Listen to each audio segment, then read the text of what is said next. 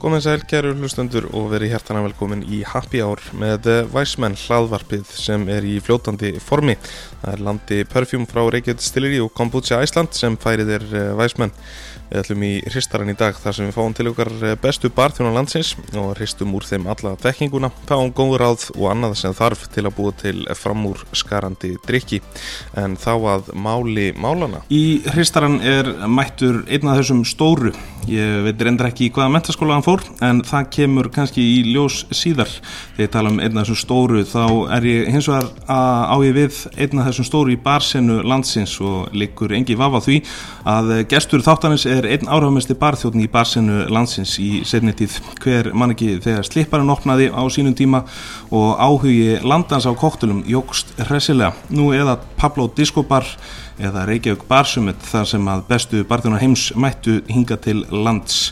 Uh, en það var einmitt gestur þátturinn sem var aðal drivkrafturinn á bakvið þessi verkefni og fleiri og það verður allt saman krumið til merger í þessum þætti á samt því að fara yfir gríðla áhrifamíkin og merkilan barþjóna feril. Áskir Már Björnsson, verðu hjertanlega velkomin í Happy Hour. Já, þakka fyrir. Hvernig ertu? Ég er bara þokkalegur. Það ekki? Jú, jú, það er rólegt ár þetta 2020. Já.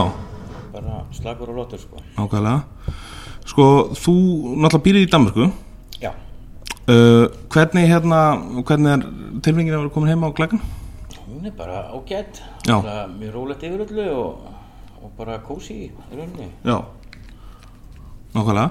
Uh, sko að þess að við ætlum svona lítið að dvelja við þetta COVID-æfintir, Nei, allir konur með leið á því. Já. Hvernig hérna, sko hvernig er bransinn í Danmörku, hvernig hann á- hann á að höndla þú veist, þetta ástand? E, bara svipa á hérna. Já. Sumatímin í Danmörku er nú kannski ekki svona bestur fyrir bransan, sko. Fólk fyrir garðana og drekkur bjór þar og annað. Þannig að, sumistæðar eru með lokað yfir sumar hvort þið er og annað. Þannig að Þannig að það er svo sem, það er bara rólegt yfir, skulum við segja. Og, og náttúrulega erfitt fyrir marga og ekki víst að allir hafa þetta af en, en, en það er ekkit endilega slemt. Nei, nákvæmlega. Sko þú, þú ert náttúrulega yfirbarðin á barnum Mikropolis. Já, Hvernig hérna, hvernig er staðan á þeim bar núna? hún er bara flott. Já. Við erum bara búin að vera núna í fjórum mánuða frí. Við, erum tveir starfsmenn hann og hérna ég og Móses, hérna Íslandíkur sem með mér í þessu. Ok, Og já, við erum bara basically búin að vera í fríi og við ákvaðum í raun að framlengjum eitt mánuð í fríi. já, Þó við þyrftum þess í rauninni ekki því að út af sumartímanum og annað og við viljum frekar opna kannski í betri aðstæðum Mhm. og, og því að við erum við erum svona lítil kjallarabúla og þú veist og fólk er úti í garðunum til dæmis og annað þannig að Já, já. og það er lítið um túrisma og, og, og svona bara er náttúrulega þannig að það ætti að vera stemning og maður vill ekki reyna maður vill ekki setja þessa ábyrg á gestin að, að þurfa að halda okkur á lífi einhvern veginn og upplifa ekki nógu góða tíma þannig að við viljum frekar bara opna er gaman og, og við getum gert það sem við gerum best sko. nákvæmlega, nákvæmlega. Uh, Taland um hann, hann var nú með þér í pop-upi hérna á Petrisen, þar sem við erum að taka upp. Já, heldur betur, heldur betur. Hvernig, hvernig tókst það hjá okkur? Það var bara greiðlega skemmtilegt verkefni. Við sem sagt, fórum inn í það bara, þetta var 24 tíma projekt. Við. Við, sagt, við höfðum já, nokkra tíma til að kynast vörunum sem vorum að vinna með og svo fórum við inn í garða og týndur röpa bara og, og hitt og þetta og Stáluðunum að sjálfsögðu. Já, við stálum honum sjálfsögðu Já, já. og, og stálum fleiru þannig að hérna, og, og þetta var rosa gott bara fyrir okkur til að skapa og, og hérna, koma okkur í ganga aðeins meira Já. og spjöldluðum við, við marga góða menn og kynntist marga góða mennum og, og mikið, mikið gott kom út úr þessu fyrir okkur. Já, og hérna, já, við hefum bara rosa gott að þessu. Ég kíkti, einmitt, þó að ég hef nú viljað dvelja lengur, en ég smakkaði þarna tvo drikki sem voru geggjaðir.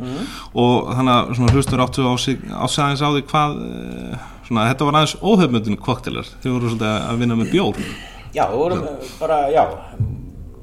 Sem sagt, útgangspunkturinn var bara bjórkoktelar sem er svolítið stefnan sem við erum með á Mikropolis. Ok, þar sem að uh, þróun í bjór er alveg útrúlega hröð Já. og brauð og annað kemur bara alveg á færibandi og þá ná að brjótast aðeins út úr því að vera að vinna vinna með bara þekktar indir sko, þú veist, vera að vinna með einhverja vissa líkjura eða, eða spýra eða svoleiðis þannig að við, möguleikarnir eru miklu miklu meiri Já. það fyrir bara eftir hvernig við notar það Mhm. Og erum að vinna mikið með það, þú veist að það búa til líkjör og bjór eða, eða einangra eitthvað brögð og bjórnum sem við viljum fá og annað. Þannig að við erum stöðugt að kynast ykkur nýju Já. stöðugt að skapa eitthvað nýtt og hérna og við erum með mitt á barnum okkar, við erum tengdir, tengdir túöl og brús Já, já, og hérna og Mikkeller og getum við rauninni verslaði hvern sem er þannig að þannig að við höfum alveg ótrúlegt ótrúlegan grunn til að skapa basically. Við Einmitt. getum náðu okkur í hvað sem við viljum. Já, og ég faktist er orðið líka bara svolítið leiður á áfengisheiminum yfir höfuð sko. Bara sem sagt spýrum og markasetningu og, og lifum og, og brettum sko. Við heiklist komum ég geti lofa okkur ef við komum að sína á þetta í síðar. Hérna, eh, það er eins og spurning sem ég hef svona svo verið að pæla svolítið í, því nú hefur við svolítið verið að tala við um eitt bruggara og já, þú veist, ertu samanlega mér í því að það er svona svolítið eins og þessi kraftkóttil sinna og þessi kraftbjór sinna sé svolítið að samina hesta sína? Uh, já og algjörlega og, og hún á að gera það. Veist, það, það er náttúrulega markastlega sé er bjórin náttúrulega komin út um allt. Og, og þar, þar er grunnur fyrir litlu gæjan að lauma sér inn. Veist, eins og til dæmis mikrobóli stendur fyrir stendur fyrir það að við erum ekki með neina vöru frá stórum aðilum, Mhm. við erum bara með mikrodistilleri, þá, þá bara bæði í spýra og, og fyrir utan eina kampari flösku sem við hefum en, en það er hann að sagða, við erum búin að skapa kampari sjálfur, Já, já. þess að á svona fleirum þannig að við erum búin að leysa það. Já, já, og hérna þannig að, þannig að við erum að vinna bara með kannski þeim sem að eiga erfiðara með að koma á framfæri. Það Mhm. er ekki neini stóri aðeila búin að kaupa það og annað og, það, er, það er hjarta og metnaður í gangi. Já.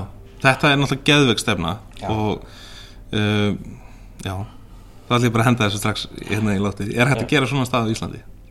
Já, já, já, já, hér eru, hér eru, sko, það, það sem að mér finnst, sko, í rauninni, nú er ég aðeins búin að vera að hugsa, sko, nú erum við með, hérna, Diageo og við erum með eh, stóra- Ben og Rickard og allt þetta. Já, já, sko, kannski aðeins að nefna Diageo, Já. við erum með vörglass keppninu og annað, þegar þegar við komið með, sem sagt, sem sagt, keppni af þessu kalibri og, og svona stóran aðila, sem að kannski er farin að sjá um mentum barþjóna, hann er farin að sjá um að skaffa honum sprúttið og hann er svona, og ímynd Mhm. þá er þetta óttalega lítill heimur sem lifir í sko. já, þannig, að, þannig að það verður í rauninni og finnst mér sem Ísland til að, til að við getum verið að skapa okkur einhvers konar sérstöðu Já. og þá sérstaklega fyrir þá sem að koma annars staðar að, e- og bara okkur sjálf og sjá hvað er í gangi hérna að við höfum að leita svolítið inn á við og það sem við erum að gera hér er, hér er, hér er flott bús, geggjaðar bjóra og allt þetta og, og eins og ég segja að, því bjórin hefur svona átt auðveldara með að markasetja sig og annað þá held ég að þá er það rosa góðu vingill í rauninni til þess að bæta síðan inn litlum distilleríum og, og, og svona dótari til að, til að pumpa það eins upp sko. bara til að sína smá sölu og fólk getur aðeins kynst þessari vöru sko. já, ég er alveg samlega þessu og við náttúrulega eigum ógeðslega mikið af flottu uh, þú veist, það, við náttúrulega fyrir að fyrsta helling af, af flottum flottum hérna uh, litlum brugghúsum á Íslandi. Uh, en svo náttúrulega kannski gera sér ekki allir grein fyrir því að við hefum mikið af, ég hef að kalla eimhús sem við hefum líka, sem Já, er að gera sterkvinn og líkjöra og þess já, og, og hérna mér finnst þetta með, ég gerði svona smástand með hérna steinafélag mínum á Húsækvöl já, það sem ég, hann var með geggjambjór sem heitir uh, Byrravóðan Já. sem er hérna hindberðisáir já, og náttúrulega geggjanafn já, sennilega ekki jafn gott og, og nafnið á kóttilinu sem ég drakk frá þarinn daginn sem hétt uh, Morning Glory já, já. Það er annar mál. Bera neðan hefði jafnvel verið be- betra nafn. Já, ég nefnilega sko, ég tók uh, hérna, notaði þess að einiberja uh, ginið hjá Snorra í Reykjavíðstilíði Já. uh, krækiberja og bláberja. Já. þannig að komið þrjú beri viðbót þannig að hann heitir í raun koktillin Allsber. Já, já, já, já, það eitthvað og þetta var mjög vinsælt og búið að vera mjög vinsælt og það vinsælt að, að, að, hérna, að Brúdók er núna komið þennan koktill hérna Reykjavík sko. En hérna það sem að um, við ætlum að fjalla um uh, í þessum þætti, við ætlum svona leggja þetta aðeins á ís þessar umræður, ég geti náttúrulega tala við þig örgulega svona í fimm ár ef að- það væri. hérna, mér langar svolítið að lifa hlustum að kynnast þér aðeins uh, betur já, og svona kannski þú veist, þér svona sem uh, þau út að alast upp og, og, og hvernig svona kveikjan að þessu var allt saman að þú fórst í veitingabransan og ég ætla bara að spyrja það bara hver er Ásker Már Björnsson? já, það er kannski svolítið að svara sko. Ég held að það sé nú alveg nokkri sko. Já, Því að ég, hérna, ég elst upp á rosalega mörgum stöðum út um allt land sko. já, ég er stoppað stutt á hverju stað. Og hérna, og það er alveg til frekar rótlaus í rauninni. Og ég held að ég er búin að búa 27 stöðum þegar ég er á 16 ára eða eitthvað sko. já, sæl. Þannig að maður er svona, maður er svona svolítið, svolítið flókin einstaklingur á þessum tíma sko. Svona þetta er eitthvað með að, hérna, kannski að vera ein persóna, maður, já. maður nokkrar, Já. ein á hverjum stað. Möndu segja að það var svona fyririldi? Já, kannski svolítið fyrir Já. þetta, já, einmitt. En það, ekkert að slæma hátt sko, það hefur hjálpað mér mikið í, í þessu saman, mm sko. Mhm. Það sem að mér finnst, mér finnst mikilvægt að, að, að, að það sé hægt að skipta um gýr Já, eftir því sem þú ætti að gera sko og, og hvað þú ætti að reyna að búa til. Þannig þannig að þú getur þú er rauninni addar kannski öru litlu fleifori inn í það sem þú ert að gera með, með þínu, þínu persónu. Algjörlega. þeirri persónu sem þú velur að vera þá Já. stundina sko. Þannig að og, og aðhyllist mjög mikið hann getur kannski komið inn á það síðar nú flytti inn hérna mann sem hétt Stanislav Vatrana. Já, sem að sem held hérna námskeið og hann er svona hann tilengar sér eitthvað sem heitir Ichigo Ichi og, eða, eða Headless Bartender. Sem, að, það sem hann er að tala um hvernig maður aktar á bar basically. Mhm. hvernig maður, hvernig maður hvaða persóna maður er sko. maður er passlega mikið maður sjálfur og maður er passlega mikið hljótt og maður er passlega mikið þetta og hitt. Mhm. og svo er þetta að svinga þessu eftir, eftir því sem þú veist að gera. Mm þetta, hérna, það er alltaf mikið af í rauninni mér minni persónu í öllu sem ég geri Já. á einhverju leiti veist, þannig að ég vinn alla hluti þannig sko. Mhm. þannig að uh, já, en svo hvernig ég byrja í veitingabransunum það er síðan, viltu farið það? já, hvað var svona sem heitlaði, við veit ekki bara saman, hvenar, ef við förum hverfum aftur í tíman, eins og Guðni Fósetti segir, Já. hvað, hvað, hérna, hvað, hvenar byrjaði þetta og hvað? Æ, ég, er rosalega lélugur í ártölum og svoleiðis Já, við þurfum ekkert að í það. Stókar í, sko. en mestmengnis hefur þetta verið vinna mín bara, ég held ég hef haft eina eða tvær vinnur aðrar heldur en í veitingabransunum Já, og ég var að vinna í einhverju bliksmiðju, klæða, klæða hérna, glerulla og heitar hérna, einhver tæki og drasl og, þóldi það ekki sko, Nei. og einhverju byggingavinnu og eitthvað svona dót. En svo byrja mamma mig með veitingastaf Stokksið sem heitir við fjöruborðið.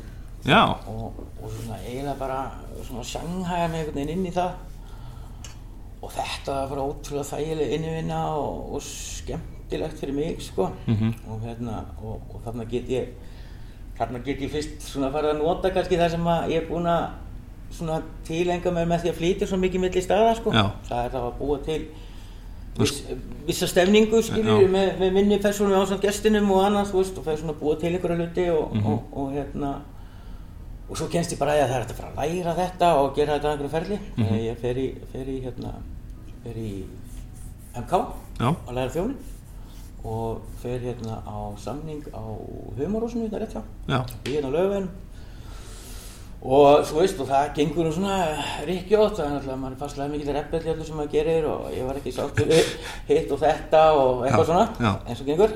Þannig að hérna og, og ég finn mér þessa línu í það sem að mér finnst að vera óplæður akkur er basically koktelheimurinn, spýraheimurinn Mhm. og, hérna, og ég fæ aldrei neinn svör við því sem að mér vantar þar sko. Mhm. Þú veist, ég, það er verið að kenna uppskriftir með flóssikri sem er þýðingavilla og eitthvað svona bullshit Mhm. og hérna og, og öllum eiginlega alveg sama sko, er bara, þú veist, ég spyr eitthvað og það er bara, þetta er bara svona og eitthvað svona já. og mér finnst bara rosalega mikið vant upp og það er verið að leggja mikið metnað í, í vín og hvernig þú gerir hitt og þetta að kenna einhverja sko gamla gamla hérna taktík skilju, eða þú veist, gamla siði og eitthvað, Já, já. en algjörlega skauti við þetta sko. Mhm.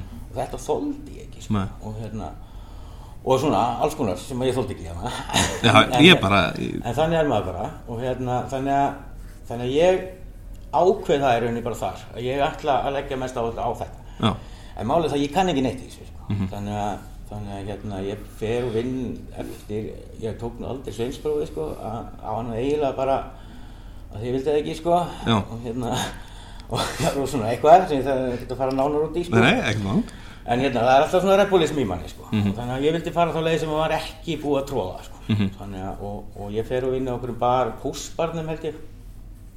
Og það er bara stutt stopp þar, en endi einhvern veginn upp á Hotel Búðum. 2006, 7, eitthvað svo leiðis. Og þá opnast heimur, þar sem ég get fengið, þetta er mikið góðar í gangi hérna og ég get kipta sem ég vill og ég kom með, þú veist, 260 titla barinn af, af, af sprúti á 28 herbyggja hóteli. Uh, kemst í sambandi Þröst sem er á Vínó og við förum að brasa eitthvað saman og, og hérna ég fyrir að segja hvað mér vantar og hitt og þetta. Og við erum konum með, við erum búin að flytja inn allt í 15 tegundur tequila sem er aldrei brunni borst í Reykjavík sko, þetta er bara verið hérna upp frá eða þú veist, ég veit ekki hvort það sé einhverju leifa til að þessu en þannig ég kom með einhverja 15-20 tegundur tequila og, og svona og fann að byggja upp alveg risasafn já, er samt ekkert farin að vinna í koktelum beint sko. ég, svona, ég gerir, ég fann að master eitthvað mojito er hann að djöflast í mojito allan daginn sko, og, hérna, og ég læði mikið metnað í að gera mojito hann sko, og, og ég gæti sko.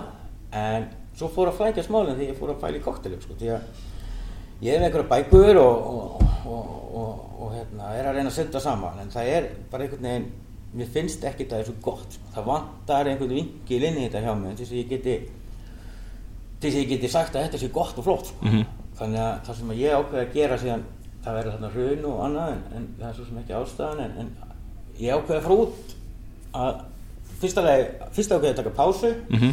frá bransanum út af þessu hruni og annað bara því að kreppa í bransanum og hérna fyrir að mála hús í Nóri og, og, en, en, en gólið er alltaf að fara að vinna í þessum koktelum það sem er verið að vinna í þessum koktelum mm -hmm. það er svona að komast að því hvað þið tryggja ekki að koma koktel mm það er greinilega ekki útskiptið sko. það er bara, það er ekki þannig. Nei. það vantar aðferðafræði, það vantar það vantar ímislegt, mm -hmm. veist, og þessar koktelbækur kannski sponsorar af einhverjum og þetta er allt saman skrútið og, það, veist, það er kannski ekki endilega alltaf best gen er ekkert alltaf gen og annað þannig að Þannig að ég enda sem sagt í Kaupmannhöfn, basically, uh, einhvern tíman hana, 2000 og eitthvað. já Ég held sko, ef ég er með þetta rétt hérna þá varstu sko á Hotel Búðum einhvers staðar milli 2005 til 2008 Jú, akkurat, það getur stemt, já. og svo þegar við ferðið í Kaupmannahöfn á Rýsteríð Já, nei, nei, það er, nei, nei, já, það er sagabækur það, sko. Já, það er, sagt- það. það. er- það er ekki ristur í beint sem ég fer á, sko. Það, það, sem ég fer á stað sem heitir Kung Fu Já, og kynnist þar fólki og kynnist þar Morten Brún sem ég er, er, er að vinna fyrir núna, eða við erum að vinna saman núna. Og, og við, sem sagt, hann rauninni, hann breytir hvernig ég líti á koktila, því að hann kemur úr svona kokka eh, bakgrunni. Já, og hann er svona hippi og, og hérna hann er svona, já, passlega á móti reglum eins og ég. Og hérna, við svona finnum okkur saman í þessu. Og hérna og ég fæ sér satt, þegar ég byrja að vinna hana þá fæ ég sér satt koktillista í hendunar og, og uppskriftir. Já, það er betur að- Nei, allt í já, já, fæ ég sér satt koktillista í hendunar og uppskriftir. Og æfi, æfi mig því heima og legg þetta allt á minnið og, og hérna og, og hérna vinn í þessu og alltaf koma þarna algjörlega sterk út í leiks. Ég að kunna alltaf klassískar uppskriftir og að hérna, stúdera þær svolítið sko. Ég, þó ég hef ekki verið búin að mastera drikkin sjálf og hérna það fyrsta sem ég sagt við mig þar að það er þessar uppskriftir já það eru það er alltaf villisar og hérna ég var já ok hvernig hvernig annars skoðan að gera þetta þá? Þá svo við byrjum að vinna og ég, þú veist, ég fer að sjá það og, og, og, og kynnast því að að þegar þegar kóktill er ekki nógu súr þá setur bara meira sítun Mhm. þegar hann er ekki svona þá gerir bara meira svona. Þannig að allt í einu fæ ég upp í hendunar hérna, þennan heim að ég geti haft áhrif á hvernig kóktill er veist, ég þarf ekki að fylgja endilega nema bara í, í svona, svona hugmynd. Mhm. hvað kóktill er sko. Veist, hvernig hann er. Þannig að það, það opnar all- alla flóðkáttir og þá allt í einu sagt, detti inn í það að geta að fara að gera góða kóttila það er bara með því að laga það sem er á Já. það ég vissi ekki að mætti. Eru uppskriftir og já. alveg upp á millilitir og ég bara trúði því ekki Já. að þú gætir tvíka það eitthvað til. gætir tvíka það til og það væri bara í lægi og það var ekki meira en þetta sem ég þurfti sko. Það var náttúrulega enginn sem var varðan til að segja Nei, það er enginn til að segja mér það, sko. þannig að þá allt í einu breytist allt og þá hérna opnast á sköpunafaktor sem að mér finnst vera náttúrulega mikilvægstu parturinn í Já, og þá get ég farið að vinna, vinna minni hugmyndafræði basically. Mhm. og hérna þá farið að vera gaman sko. Það ekki? Ég tengi við svo margt Ég náttúrulega gekk í gegnum þetta nám Já. og, og hérna og þetta er alveg rétt sem þú segir varandi hérna, og það eru margir búin að segja að hérna, að svona fólk er sem betur vera átt að segja þess á því núna að þú veist, ef þú ætlar að vera með skóla sem að eh, já, bara gerir út af það að, að, útskrifa fagfólk í þessu Já. og ef þú ætlar að vera með bar hluta Já. það er kannski betra að hafa hann alveg up to date sko. Já, algjörlega og, hérna, og líka bara, þú veist að, að, að, að vera alveg tilbúin að feysa það það eru margar eh, villur í basically bara hvernig, hvernig allt var gert veist, eins og með, eins og með þýðingavillum veist, og svona, einhverju fine sugar sem við höfum kannski ekki sem útlegg sem, sem einhvers konar skilur, sem er fullur af sterkju og drasli og, Já, já. og þetta heldur maður að sé bara rétt. Já. þannig að auðvitað ert í vandræði með að gera góða koktela eða ert ekki með réttan grunn sko, einu sinni það sko. Og, og, in the end, og kannski bara það sem að gerði vandamáli var það bara að var einhver sem að þýtti þetta villist já, já, já, en það er bara, veist, öllum eiginlega sama sko, veist. En sko, í hjóðans eftir og talar um sko bækur, allar svona sponseraðar og svona, þetta er alveg rétt, en þetta hefur svona brist svolítið undan fyrir árið ekki. Það eru svo Mm. margir einhvern veginn farnir að gefa út sínar eigin bækur og eitthvað svona dót. Jú, jú, jú, jú, menn er náttúrulega og líka kannski bara mikið breyst náttúrulega, hvort sem það eru bækur eða þú ert með þetta á internetinu Já, já, algjörlega. Og svo eru náttúrulega líka bara fleiri að drekka kóktela þetta. Fleiri að drekka koktela og þú veist, og svo kemur tækni inn í þetta líka og, og þú veist, og svoleiðis dót og molekkular dót og, og, og, en, en, og svo, svo kannski mikið hægt að fá líka úr kokkaheiminu sem er komið miklu, miklu lengra í Já, alls konar hlutum, skilju, sem að við getum náttúrulega nýtt okkur, sem að ég náttúrulega nýtti mig gríðarlega mikið á slipaðum á sín tíma. Já. Var að vinna með flottu krú af koktelum, nei, nei, koktelum, kokkum. Og hérna og það er svo margt sem maður getur nýtt sér sko. Af því, að, af því að náttúrulega barþjónar eru náttúrulega þú veist það er ekki nóg að fá bara tæki í hendunar og halda að þú getur þú veist mastera það eitthvað. Því að Nei. þú veist þetta er náttúrulega græjur sem að þú veist fólk kannski er búið að vera í mörg ára að læra á og búið að nota í öðrum geirum og, og hérna að það er ekki nóg að fá bara græju og þá getur við farið að gera eitthvað sem er Bara plug and play. ég bara plug and play, það er ekki þannig. Þú veist, það er náttúrulega ótrúlega mikið að mistökum og drasli og, svo, og ég er svo sem alveg þokkalega ánægð með það mikið af þessu, þessu fer síðan út aftur af, því að, af því að það eigi ekkit allir að vera að gera þetta veist, af því að það er frekar þeir sem að sérhafa sig og hafa þekkingu og leita sér eftir þekkingu sem eiga að vera að nota þessa græjur sko, veist, og, og, og. Þú veist, fólk verður náttúrulega að vera barþjóð þá er þetta ekkit sjálfkrafa bara komin með, hérna, með eitthvað leifi á, á eitthvað tilrónustóðu drast sko. Þú getur náttúrulega að Já, já. en nærðu eitthvað betri árangur með því að þú kannt ekki það þú veist, ég veit það ekki sko. Þetta er ógeðslega góð spurning. Og svarið við henni er bara, nei, þú nærði nei, ég, ég held ekki sko. En hérna, það er, sko, þú er náttúrulega búin að hlusta á alla þættina sem ég er búin að gefa út. alla alveg, ég, ég vakna mótna nú með þetta þetta í eyrunum allan daginn. Það er hérna, það er ekki bara í einum þætti sem þú er nefndur nei, og sem hann alltaf gefur til kynna þú, þú, segir nei, ok. Þannig að þú komst upp við hana. En hérna, sko það er sérstaklega eitt sem að tala um þig eh, hérna á hótelbúðum og það er Ólafur Örn. Já, já, ég mynd þið unnu saman þar eða ekki? Herjú, við erum saman á hótibúðum það, það var kannski ekki svo svo langt, þetta er svona, kannski hefur yfirleitt verið þannig að þegar ég, ég hef yfirleitt byrjað á þeim stöðum sem á Óli er og hann fer svona fljóðlega í kjölfæri sko, hann sinna þá öðru eða hvað það er sko, Einmitt. en hann svona læti mig oft sitt uppi með eitthvað verkefni sem hann er svona aðeins byrjaður á sko. Og svo náttúrulega uh, slipparinn, það er raun bara næst Já, þú, þú ert þannig á Kung Fu og Já. hérna, ert búin að þróa svona svolítið þinn svona komin að stað Já, ég er svona búin að finna minn, eh, minn rithma í þessu veginn Já. og hérna, en ég sko ég náttúrulega klessu keiri mig oft í þessu sko. Ég fer of mikið í margt og þú veist og hérna þar sem þetta kvildir á milli í, í því sem ég er að gera. Af því að, að því að fyrir mér er þetta oft mjög að því ég er bara svo klikkaði sko. Þetta verður oft svo persónulegt einhvern veginn sko. Já. mikið af þessu. Og, hérna, og, og, og koktela sem ég geri er oft þú veist og þessi stemning sem ég er að skapa þetta er kannski eitthvað sem ég hef upplifað áður og ég er að búa eitthvað til og þetta eitthvað, það fyrir allt í steik hjá mér sko, stundum. já. þannig að ég kem sem sagt, inn á slipparinn eftir kvíld frá Kung Fu basically. Já, og hérna, og það er einmitt Óli að vinna. Og hann, er búin að setja saman eitthvað þarna. Og ég rauninni var búin að ákveða það þar að ég ætlaði ekki að sökka mér einn stjúpt í þessi ég var búin að gera gegn tíðina. Mm -hmm.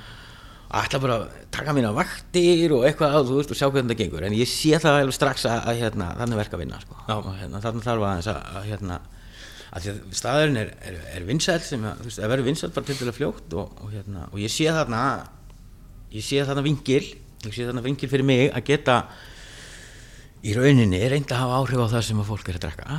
Og, og hérna, og ég byrja að negla saman. Hérna, á þessu tímabili er fólk að drekka hendriks með gúrku og svona bibar og mojito og eitthvað svona dót. Og ég hugsa að vera ok, ok, ok. Við vorum í raun ekkert komið mikið lengra þarna. Nei, nei, og ég meina, eru kannski þetta endilega komið lengra núna heldur, sko. En þarna tekið þann vinkil bara í rauninu, skautum yfir eitthvað sem skiptir ekki máli en hérna að ég hugsa til dæmis, ég meina Basil Gimlet til dæmis sem að, sem að, ég, sem að ég bjóð til þar sem sagt, hugmyndafræði var þar að þú veist, ok, fólk er að drekka gin í tónik, svörtum pipar og gúrku hvað, að er fólk að, hvað er fólk að byggja um sko? fólk er að byggja um eitthvað smá gimmick skilju, og ég hugsa bara, ok, get ég ekki bara gert þetta í koktel, mm -hmm. tek tek tek bara sama ginið að vera notað. Uppálega var hann að Hendrix í mm -hmm. gerir bara ég kalla þetta gimlet, strangt tiltekið er þetta ekkit endilega gimlet gimlet mætti vera læri í læminu og, og eða, eða búin til kordial eða, eða svona eitthvað skilju, ég bý bara basically til sour sem að ég hristi með, með hérna basil það er, veist, gúrka basil eitthvað, veist, og set síðan svartan pipar á veist.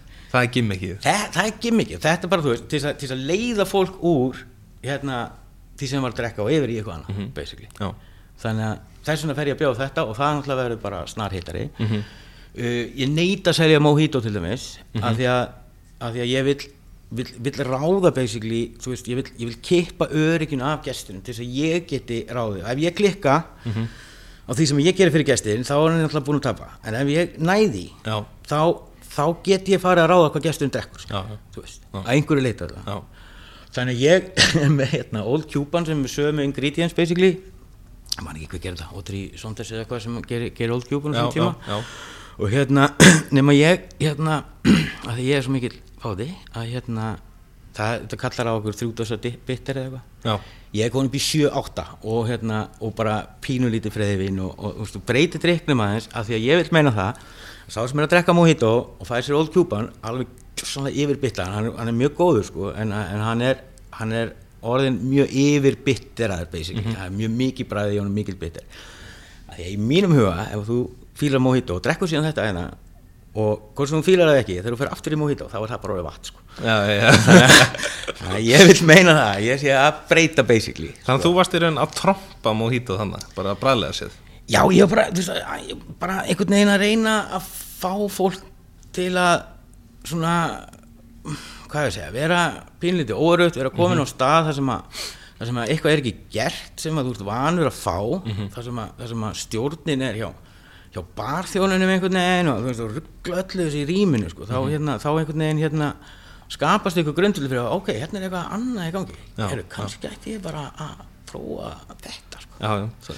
Sko við erum náttúrulega ógeðslega uh, vanafastir einstaklingar hérna. Já, já, og, og það þurfti náttúrulega eitthvað svona svolítið til. Já. og ekki manna þetta var, þetta var mjög umdilt á sín tíma. Já, það já. töluðu margir um þetta. Já, já. Uh, en hérna þetta var náttúrulega bara eitthvað sem þurfti sko. Já, já, algjörlega, ég, úst, ég var líka með annan vinkil á alls konar, sko, veist, ég, ég og, til að ofhugsa hlutinu og annað, en það sem að mér fannst, veist, ég er rauninni ákvað að ég ætlaði að breyta bara öllu, og hérna, og ég fór bara að spila inn á, til dæmis Íslendinga, og hérna, þegar Íslendingar eru þannig, að þeir nenni ekki eins og leggja nöfn á minni, sko, það er bara, að ég setja með græna hana, láttu mig hafa, já, já. þannig ég ákvað að, hvítvinni með glugganum. Já, ákveðlega, ég á, já, láttum að hérna, glasa fæti og allt þetta, þú veist, hvernig það er Þú búið klassík og, og, og þetta er sem við þekkjum alveg Já, og hérna, bara fínt en þannig ég fór að spila bara inn á þetta þannig að þessi, þessi, þessi með hérna menn vilja vera pínlítið kongar sko. Ég vilja, er komið inn á staðinu eða er hérna eitt alveg, hann gerir alveg spes fyrir mig sko. Þannig að ég, ég átti það til að taka alltaf vinsarastu koktina af listanum sko. Já. að því að hvort þeir engi búin að lesa listan sko, dætti einhverjum í huga að lesa koktellista á þessum tíma sko, bara, þú veist, láttu mig hafa hennar ba, ba, ba, hennar græna hennar sem ég fekk hérna um daginn. já. þá, þá er sá sem að kemur með gestin farin að vera svolítið svona kongur ríkisinn fara að sína öðru fólki hvað, hvað var sérstaklega gert fyrir hann og eitthvað. Svona, ég spilaði inn á þetta allt saman basically. Mm þetta var þú veist, mér leiði oft sem ég var að, að, að- stjórna einhverju symfóníu til að ná einhverju vissu takmarki sko, þú veist, og, og, og var oft talað um sko, þú veist, við vorum þú veist, það var, var, oft ráðist á barinn hann náttúrulega, þú veist, og, og við, við vorum farin að fara að upplifa okkur eins og við værim í skotgrafa hernaði, sko, en, en við ætlum að standa, þú veist, við vorum þú veist, svona leiðpínit eins og værim í stríði, þú veist, að því að, þú veist, gesturinn vildi sitt, Já, við vildum ekki láta hann hafa, og það var 300 gestir, að þetta var alveg rosa mál oft, sko. Og rosa aksjón sko.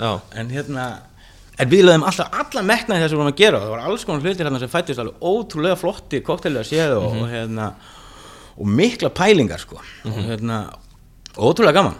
Og hérna og, og já, ef ég segi þetta bara þetta gekk, gekk upp sko. En þú veist pff, ég meina, heppin kannski þú veist, í rauninni. Því að hérna, við vorum ekki við vorum að gera það fyrir okkur ekki þá? Sko, mm veist, einhvern veginn veist, Sko, það eru margir sem að tala um sko að slipparinn hafi einhvern veginn svona uh, byrjað með koktel á Íslandi og svo eru margir sem verða voðalega gramir yfir því. Og hvernig er þitt teik á þetta? Veist, hvernig sér þú fyrir þér slipparinn? Já, sko og það sem hann gerði, skilur Já, en þetta með sko kokteil og annað sko, veist, það er eitt, þú veist, mm -hmm. við erum búin að gera kokteila hérna endalast lengi og við erum fullt af fólki að gera veist, það er, það er kannski það sem við gerðum var það að, að hérna, við fórum að, að taka þetta lengra sko, þú veist, að, að, sem sagt- að, sem sagt, að, að, að búa til þessa stemningu, veist, með skiptum seðla, það var viss þema á hverjum seðli, skiljið við, okkur langaði að hafa, þú veist, við vorum með trúalegan seðil, skiljið við, við vorum með, vorum með hitt og þetta, við komumst í alheimsfréttina með, með hérna, partætkokteil og hitt og þetta og, og við sem sagt vorum þá hugmyndafræði, ja, sagt, og, og nöfnum og annað, að fólk, sem sagt, þetta væri líka bara conversation piece, sem sagt, kokteilin, þannig að, þú veist, oft voru kannski einhver stuðandi nöfn eða eitthvað og okkur langaði þú veist, við vorum að kynna seðla og okkur langa að hafa feik, hérna, gay brúðkaup skilu í trúalega seðlum og, og, þú veist, og, og listamæðurinn, hérna, eitt, eitt, ég reyndi ofta að gera trúalega seðl, listamæðurinn hérna, neitaði stundum og þá, þá kom, hérna, Le Grande Folier, hérna, mikilvægsku brjálaði og, hérna, og þú veist, þetta var allt, þetta var, þetta var svona sér heimur, basically, þannig, þannig að þetta var ekki bara að búa til koktel, við vorum að búa til tím, við höfðum, við höfðum, við höfðum sko, sagt, takmark, við höfðum metnað, við höfðum hitt og þetta og, og, og þú veist, og, þetta, þetta var allt annað, þetta var miklu meira, að, veist, þannig að kannski, Miklu stærri umgjörð miklu stærri umgjör en ekkit endilega sínilega kunnin kannski ekkit sá hana neitt endilega. En þú veist, það voru það sem við vorum að pæla var miklu miklu meira heldur en bara búa til koktila þú veist. Og, og hérna og, og náttúrulega gríðlega með vorum út af vöru sem voru mjög dýrar við vorum að leggja allt veist, við vorum ekki að hugsa um peninga whatsoever sko, veist, ekki að græða peninga, alls ekki bara, bara breyta hvernig fólk horfið á koktila sko. það var eina og, bara, og líka gera eitthvað sem við vorum sátt við, þú veist, eitthvað sem að lét okkur líða vel, veist, við vorum að læra líka, veist, og, og veist og, já, það var basically þessi heimur sem, að, sem að kannski er aðeins öðri sér heldur en heldur en hitt, að, að vera stöðut að breyta, og kipp undan hérna fólki í löpunum og allt þetta, það var svona, vinna með klaka fór sérstakka klaka við flutta auðvitað bara að pæla með veist, og, okkur vant að bourbon og okkur vant að hitt og þetta og nýðast á hérna, hérna innflutningsbyrgjónum og öllu þessu og láta flytja inn sér fyrir okkur og, og eins og geranium gen, mér vant að geranium gen þannig ég bara talaði við henni kammer á Facebook sem ég þekkti hún ekki neitt þá sko og sagði bara, erum við langar að flytja inn genið þitt og hún kannski bara þig líka.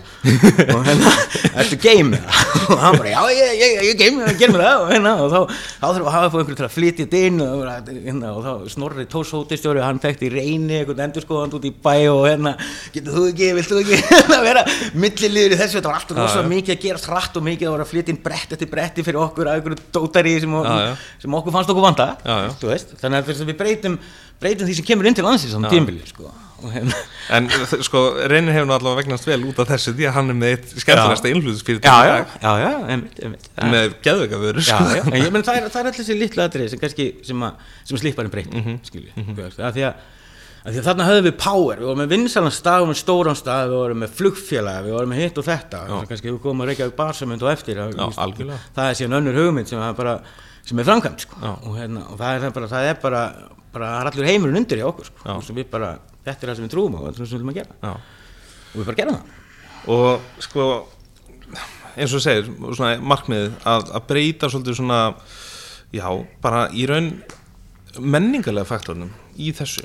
Já, og líka bara kannski til að fá fólk til að hugsa um það sem er að fá sér, þú veist, þú skilju, það, það á þessum tíma þá, og er kannski ennþá, þá var genið í bláflöskunni og genið í grænflöskunni, já, já, skilju, veist, já. hvað, meinar þú, skilju, þú veist, það er svo mikið, mikið annað, já. þú veist, það er svo mikið annað og ef að, ef að þér langar ekki að langi það, skilju, að þér langar ekki að leggja á minnið hvað genið í grænflöskunni heitir, Já. þá bara sleppi ég að hafa það og er bara með eitthvað annað, Já. fyrst það skiptir greinlega engu máli hvað stendur á flöskunni, þá færi bara það sem mér langar í, búm,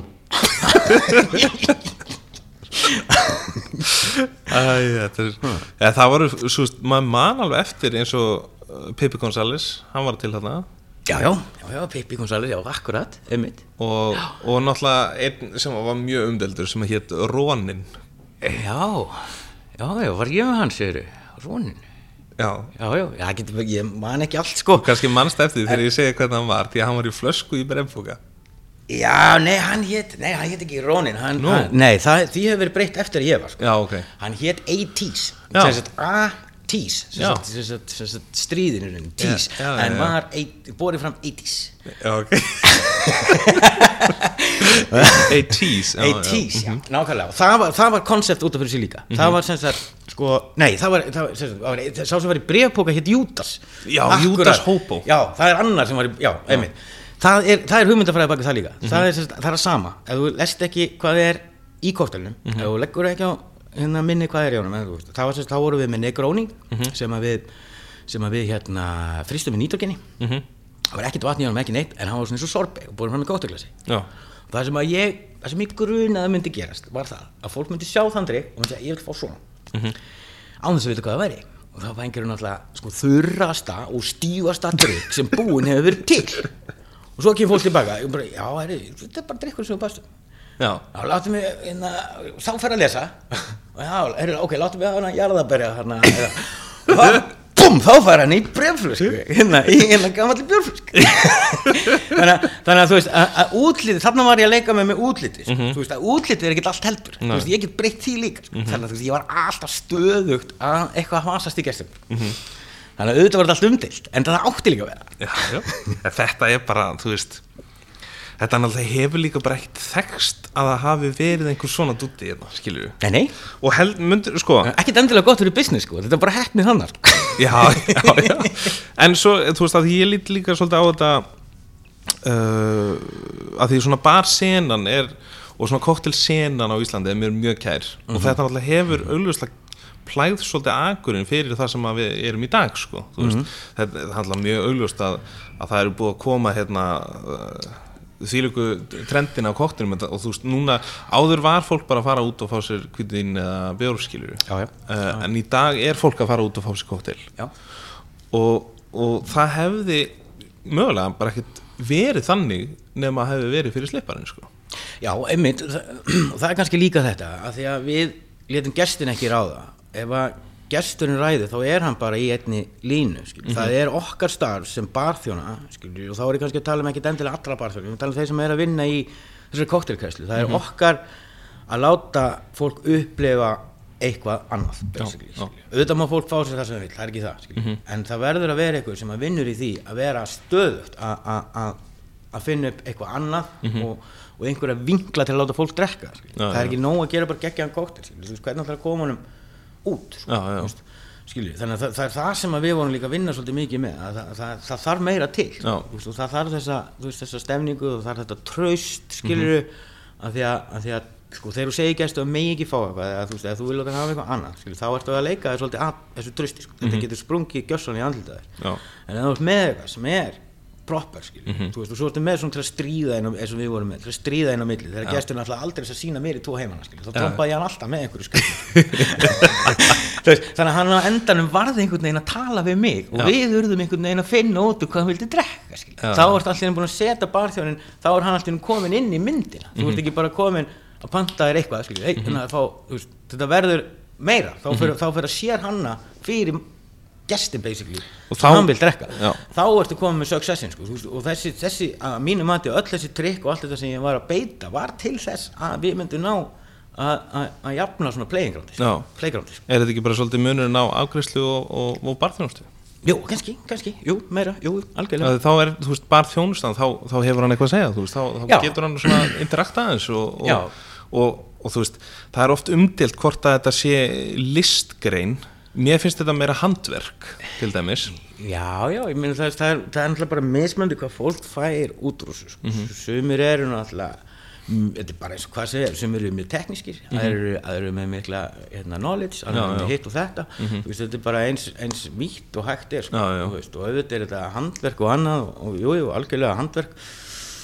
Og, en þetta er, þetta er sko hvað ég segja, menn, þetta er bara eins og að vinna í opnu eldúsi, þú þarft að þú þarft að lúka eins og viti hvað þú ert að gera. Já, veist, þannig að þá þarfst að æfa þig þú veist, þú gætir alveg gerst einhverstara bakveð eins og fáiði sko. Já, já. En, en þú veist, þegar þú ert fyrir fram að gerst þá, þú veist, og ég meina sum, þú veist, ég veit ekki hvort það sé sjóa fyrir annan þetta, er bara, þetta fær, fær fólk til að treysta er ef það sér að þú veist hvað það ger mm veist, með aðferðum og öðru mm og, og ég er þú veist, ég aðhyttist vissa stefnu svo er önnur stefna einhvers staðar annar staðar sumstaðar er, er bara þykir kúla lúka eins og veitir ekki hvað það að gera eða skilju, þetta er bara, þetta, er- þú veist, þetta er allir regnbúin sko.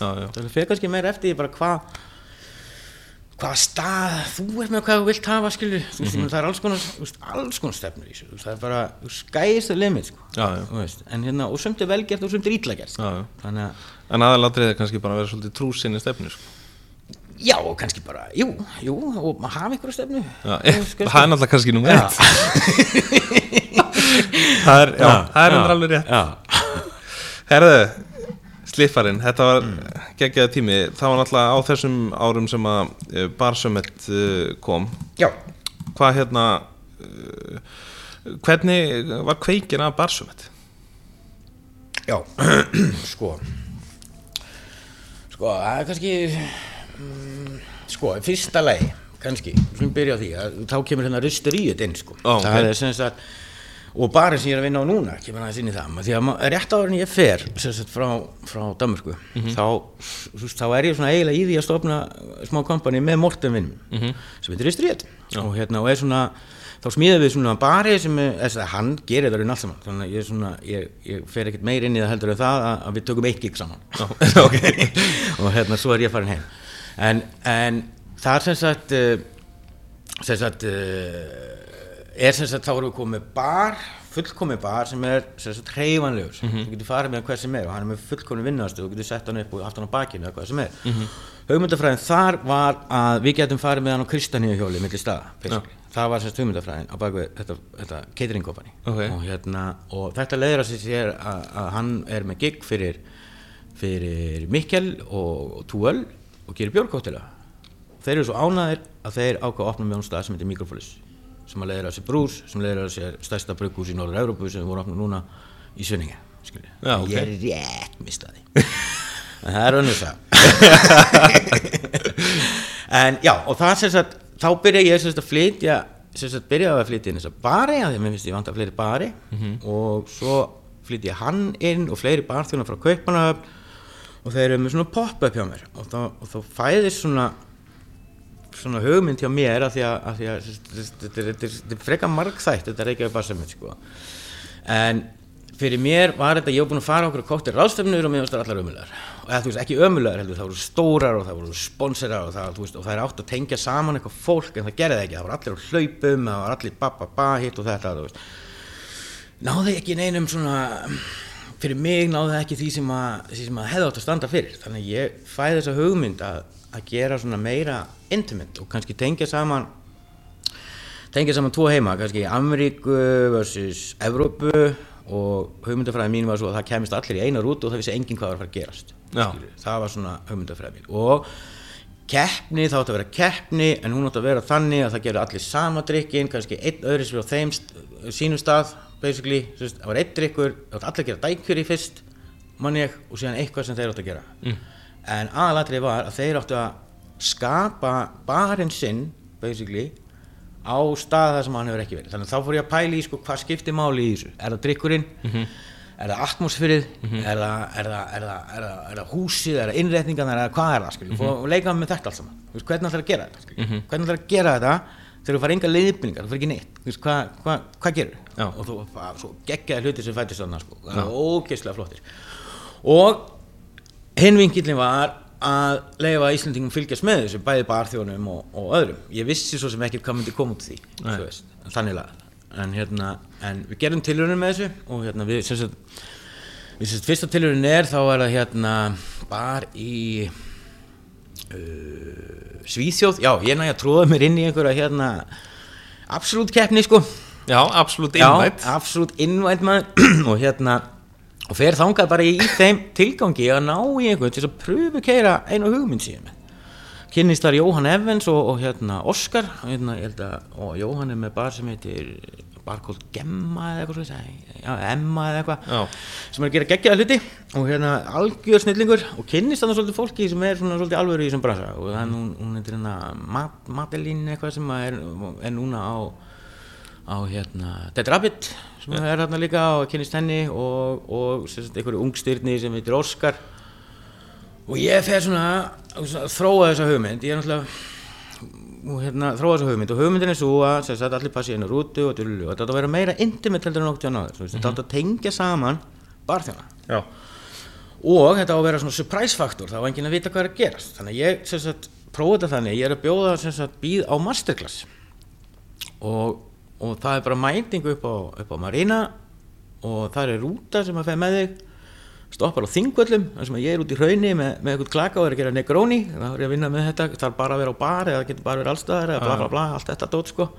Og það er einhverju blaðamenn hann með og einhverju baðþjónar og engin veit hvað er að gerast. Og, hérna, og við keirum bara svo bara lengra eftir það og, og hérna, endum hjá mömmu í mat og, og eitthvað svona finnir í og fólk er bara hvað, hvað er að gerast? Eftir matinn þá lafa fólk inn í svona stofu og þar er Jóhann Efes og Óskar með masterclass basically, þá er allir búin að tengjast áður Já, já, og þá fara þær að segja hvað þeir eru að gera. Og þá er þetta orðið miklu meira intimate og miklu meira skemmtilegt. Og það er svona hugmyndin. Þannig að hugmyndin sem sagt, já, svo sem sagt kemur að ég að reyna að framkama þetta. Og við erum alltaf bara, tjóðum við þekkjum alltaf enga þekkjum, þekkjum ekki til í þessu sko. Þú veist, ég vil fá bestu bara í heimi. Já. hvernig ger ég það? hvernig anskoðan ger ég það? þannig ég beiti þeim samböndu sem ég hef í Kaupanahöfn og tala við hann Geoffrey sem er sem, sagt, sem er uh, með Boulder núna hann vann í New York þekkir alla New Yorka þekkir alla Employees Only og þá sem hann alltaf komið líka og, og, hérna, og annað og hann setur okkur svona í samband þannig að þar kynist ég líka Jan Varren sem kemur á fyrsta varsamöndi sko. Hann les vitlaus en Ísland, Æland þannig að hann kemur með eitthvað svona tikk í þeim sko og var ekki alveg búin að kveik, kveikja á þessu sko. Kemur Ritchie sem er algjör legend í þessum bransa sem var á hérna Dutch Kills. Já. Ritchie er ekki eins og með Facebook sko. Þú kennst ekki í við svona gæja sko. Nei.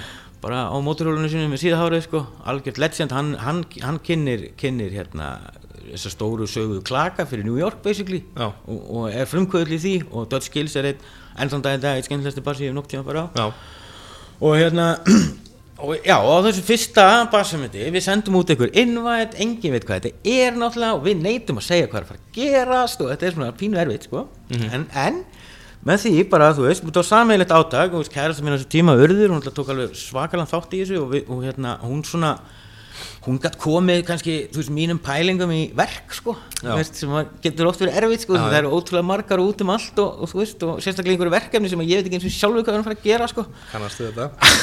Hérna, þannig að hún er, hún er, hún er algjör, algjör hérna, driffjöður í þessu líka sko, í, sérstaklega í skipulagningunni sko. Já, en allavega, við náum að tjastla saman hérna einhverjum man ekki hvað það voru margir barir, einhver 10-15 barir og alveg ógislega flotti barir. Bara, bara geðvegt og, bara, og við erum búin að, við bjóðum öllum til að koma. Og hérna ég tala líka við hérna við förum á hérna í, í, í, í, upphæðun á þessu. Þá fer, förum við líka á Berlin Bar Comment, já, og hérna og ég tala við hérna Philip Duff sem að ég er svona lítilega búin að þú veist svona í, í gegnum sko. Þú veist það var ein barhátti sem ég hafði ánægi af sem að var hérna sérst, í kaupanöf Já. hún náttúrulega gekk ekki upp peningarlega og hérna hætti síðan en þar, þar sé ég sérst Philip Duff og, og hann, er, hann er náttúrulega stór, stórlags í þessu. Hann er giftur henni Elaine Duff sem er síðan stórlags hjá, hjá Diageo og, og svona eitthvað. Mm -hmm. svona tengist allt saman, ég komst að því nefnilega að, að þetta er bara einhver tíumanna hópur sem að stjórna þessi batteri sko. Þessum, þessum, þessum bar heimi sko, og ég tala alltaf bara við allt þetta lið veist, einhvern veginn, veist, byrja á því að tala, tala við Philip Duff og hann segir mér í rauninni að hann sé tilbúin að taka þetta bara yfir fyrir ykkur 20.000 efra eða eitthvað djöfisins fokkin fá þetta í maður. Og, hérna, og, og þá setjum ég það takmarka ég ætla að fá þennan gæða og ég ætla að fá hann frítt. Hann verður það bara næsta ári, þannig að við bara fuck off og Já. við heldum áfram. Og já, viti menn, á næsta ári þá kom hann frýtt og satt við hliðina á mér og dæmdi í kóttakettinni ég náði því að því að við náðum svo rosalegum árangur á fyrstu reykjavík mitt að, innan kreðsunar þá var þetta heitasta partí í bænum. Já. Þú veist, og það vildu allir koma, það kom allir frýtt við fengum Dead Rabbit, við, fengum allir, við þurftum ekki eins og spurja fólk lengur hvort það vildi koma. Nei. við borguðum flugið sitt og, hótelið sitt og alles. Og hérna, við veist, bara því líku success Já. í einhverju sem enginn vissi hvað var basically. Þannig að þetta var ótrúlega gaman. Og, hérna, og, og við vorum með opnuðum hérna, vorum með man ekki hvernig þetta var, og með að loka partí á Stanislav Vatna, þetta er allt tengt sko því fólki sem vorum að vinna með, eins og fyrstu hátíðinni ég veið nú einu í annað hérna. En fyrstu hátíðinni þá var sem sagt Stanislav Vatna hann, hann, ég vildi fá hann til að dæma. Hann kostar líka ykkur 20.000 evra til að koma en hann kom frýtt af því að hann, hann fannst þetta skemmtilegt verkefni. Já. og sem þakklæðisvot við hann þá höfum við mammut til að spila í, í lokapartíðinni í ykkur listastúdíu upp á Granda af því að hann er mikil tónlistáhuga og, hérna, og, maður, maður þurft að nota alla þá tækni til að fá þetta lið sko. Já, bara hvað fíla þessi sko. ég reyndi að bjóða Filip Döf hvað, hvað sér, en, en hérna bara fegustu konur bara í heimi Það er bara, ég fekk nú my fair share of, of, ladies in the 80s sko, og eitthvað svona, þetta var, samskipti voru öll svona sko. Já, já, já. En, en, en þetta hafði sem er bara ótrúlega hjálp góðsfólks Já. og hérna og hérna var bara geðveitt og hérna, og er ennþann daginn í dag bara umtalað út um allt Já. út um allan heim. Hvað þetta var síðan, það er spurning sko. Þetta, Mhm. var, þetta var eitthvað sem tengdi saman uh, Evrópu og Amerík og, og þetta, kannski koktelheimin á Íslandi var kannski ekki komið nógu langt til að nýta sér þetta alveg í botn. Nei. en það voru alveg möguleikar á því. En, en þú veist kannski bara það væri öðru sem myndum haldið í dag þá var kannski væri meiri þáttaka þar en var samt mjög góð þáttaka og þú veist og allir lögðu lið og allt það og, og hérna og eftir þess var tekið og það var partí fyrir, fyrir Reykjavík búa og annað. Þurftum við sem alltaf að flytja það milli ára því að við fengum náttúrulega ekki lefi til að gera það aftur. Það var mikið verið að kveiki og sulla þess ég meina hvað gerist þegar þú komið með barþjóna Já, akkurat, akkurat, við vorum kannski að reyna að sína líka hennar rockfaktor, sko, þú veist, við erum, erum fá þessar flottustu barþjóna í heimi, veist, við fórum í, og, og, og til að koma þeim á óvart, ég mann til að það var sérst fyrsta árið það var að fara í kvalaskoðanaferð í myrkri og brælu, sko, og það fannst þú veist, þannig að við náðum einhvern veginn að, að, að og allir tengdu svo vel að, að maður sá svona í kjölfarið að að það voru sagt, barþjónar frá, frá Nóri að hérna, Rásun mann ekki hvað hann heitir því það er svo liðlegur hann upp sko en hann Kristoffer, nei, nei hvað heitir hann? Nei, en Rás, hann er hérna var að skoða myndasmettir á hann á hann sko. breytir engu en hann, allavega, þetta var eitthvað bara í Noregi sem að gekk rosa hart fram að komast inn í þetta og ég skildi ekki í það, hann bara vildi endilega koma og hérna, góðstrákur og hérna, hvað heitir hann áttur? Chris Grötvedt Nei, nei, nei, nei, nei, það er annar. Það er, sí, það er sá sem að heldur síðan eh, Nordic eitthvað, bar, já. eitthvað. Ég var í sambandi við hann bara lítilega því hann vildi bara vita hvað var að gerast þetta Já, því já, þá er hann verið komið með þess að pæling í magan sjálfur að gera eitthvað. Mhm. en, en, en, en það var náttúrulega það hefur enginn gert síðan eitthvað svipa á þetta Nei, því að þetta nei. er náttúrulega bara eitthvað allt annað dæmi. Já, og hérna Þú gerir ekkert svona hvað sem er heldur sko. Nei, nei, nei, alls ekki, alls ekki þannig að þú veist, og, og það var rosa óhamingja með að, náttúrulega við gátum ekki gert þetta þriðja árið Mhm. en, en það var kannski, þú veist, á persónulegum aðstöðum þú veist, ég meina, ég hætti með kæristur minni sem var mikið dreifjöður í þessu og annað og við höfðum bara ekki kraftin í að, að halda áfram að reyna að kynna þetta skilur að því að, að, því að, hópurinn var ekki nógu þjættur og annað Mhm. og, og þú veist, þetta er bara eins og gengur þetta svona lag kemur bara frá já. og, og það er erfitt að, að því að þú veist, þetta veist, það, þetta, það voru ekki stór fyrirtæki bak við þetta, fólk mátti nota það sem það vildi það voru Mhm. rosa erfitt fyrir kannski einhver pening að kalla sig á value í þessu sem var líka fínt því að ég vildi það ekkert, þú veist, þú veist, ég vildi hafa þetta svona Mhm. og þetta var náttúrulega bara þú veist, kynast barþjónum út um allan heim og flottustu börjum í heimi og, og þú veist, og, og hérna, og alveg ómetanlegt sko, Mhm. í rauninni og hérna, Myndu segja að þetta væri flóknasti og, og mest krefandi koktel sem þú hendi? já, þetta var, þetta var ótrúlega erfitt sko, þú veist, þú veist það sem var náttúrulega bara erfitt, erfiðast við þetta var þegar maður spurði hvað þetta væri. Þú veist, það var svo erfitt að svara því sko. að því í mínum huga átti þetta að komast í einu þetta átti að vera partí basically. Þú, veist, þú selur engum, sko, þetta átti að vera partí fyrir barþjóna frá, frá hérna útlöndum. Já, já. Hvernig selur það? Þú skilur, þú veist, einhverjum, þú veist, þetta var, svo- var svo erfitt að koma þessi orð. En núna eftir á heikja þá var þetta náttúrulega bara til að tengja saman þess að tvo heima, búa til sambönd og íslenskum litlum hérna eimhúsum, eins og þú kallaðir á hann til þess að þeir geti komið sér í samband við stóra gæja, eða þú veist, stóra bari út í heimi, ef að þeir nýta það rétt skilur, og svona að reyna að kötta út þú veist, þetta reyna, reyna að komast, já, reyna að komast beint inn í barþjónum af því að þar eru hlutinir að gerast Já. þannig að veist, þetta, þetta átti að opna möguleika allavega Mhm. fyrir lít, lítilmangaran að koma sínum vörum á framfæri. Já. þetta átti að opna fyrir það að að evróski barþjóna kemist í samband við, við, við ameríska barþjóna á þess að allt sé á hlaupum og allir séu hinn og þessu og kæfti og bara þú veist verða að vera saman Já, þú veist, er hérna- Já, þeir verða að tengjast því að þeir vita, engin veit hvað er að fara að gerast og óöryggi skapa það að þú leitar, leitar hérna í, í, í hópin Já, til að- til þess að- til þess að búa undir hvað er í anskotunum að fara að gerast. Já, já. og þá ertu komið þetta er eins og með koktelin þá ertu komið með óvissu faktor inn skilju, þá ertu komið þetta experience þannig að basically, já, erfiðastu kostil sem ég hef gert, En hérna, þetta hefur klálega verið vinn-vinn bara í raun fyrir rosalega marga.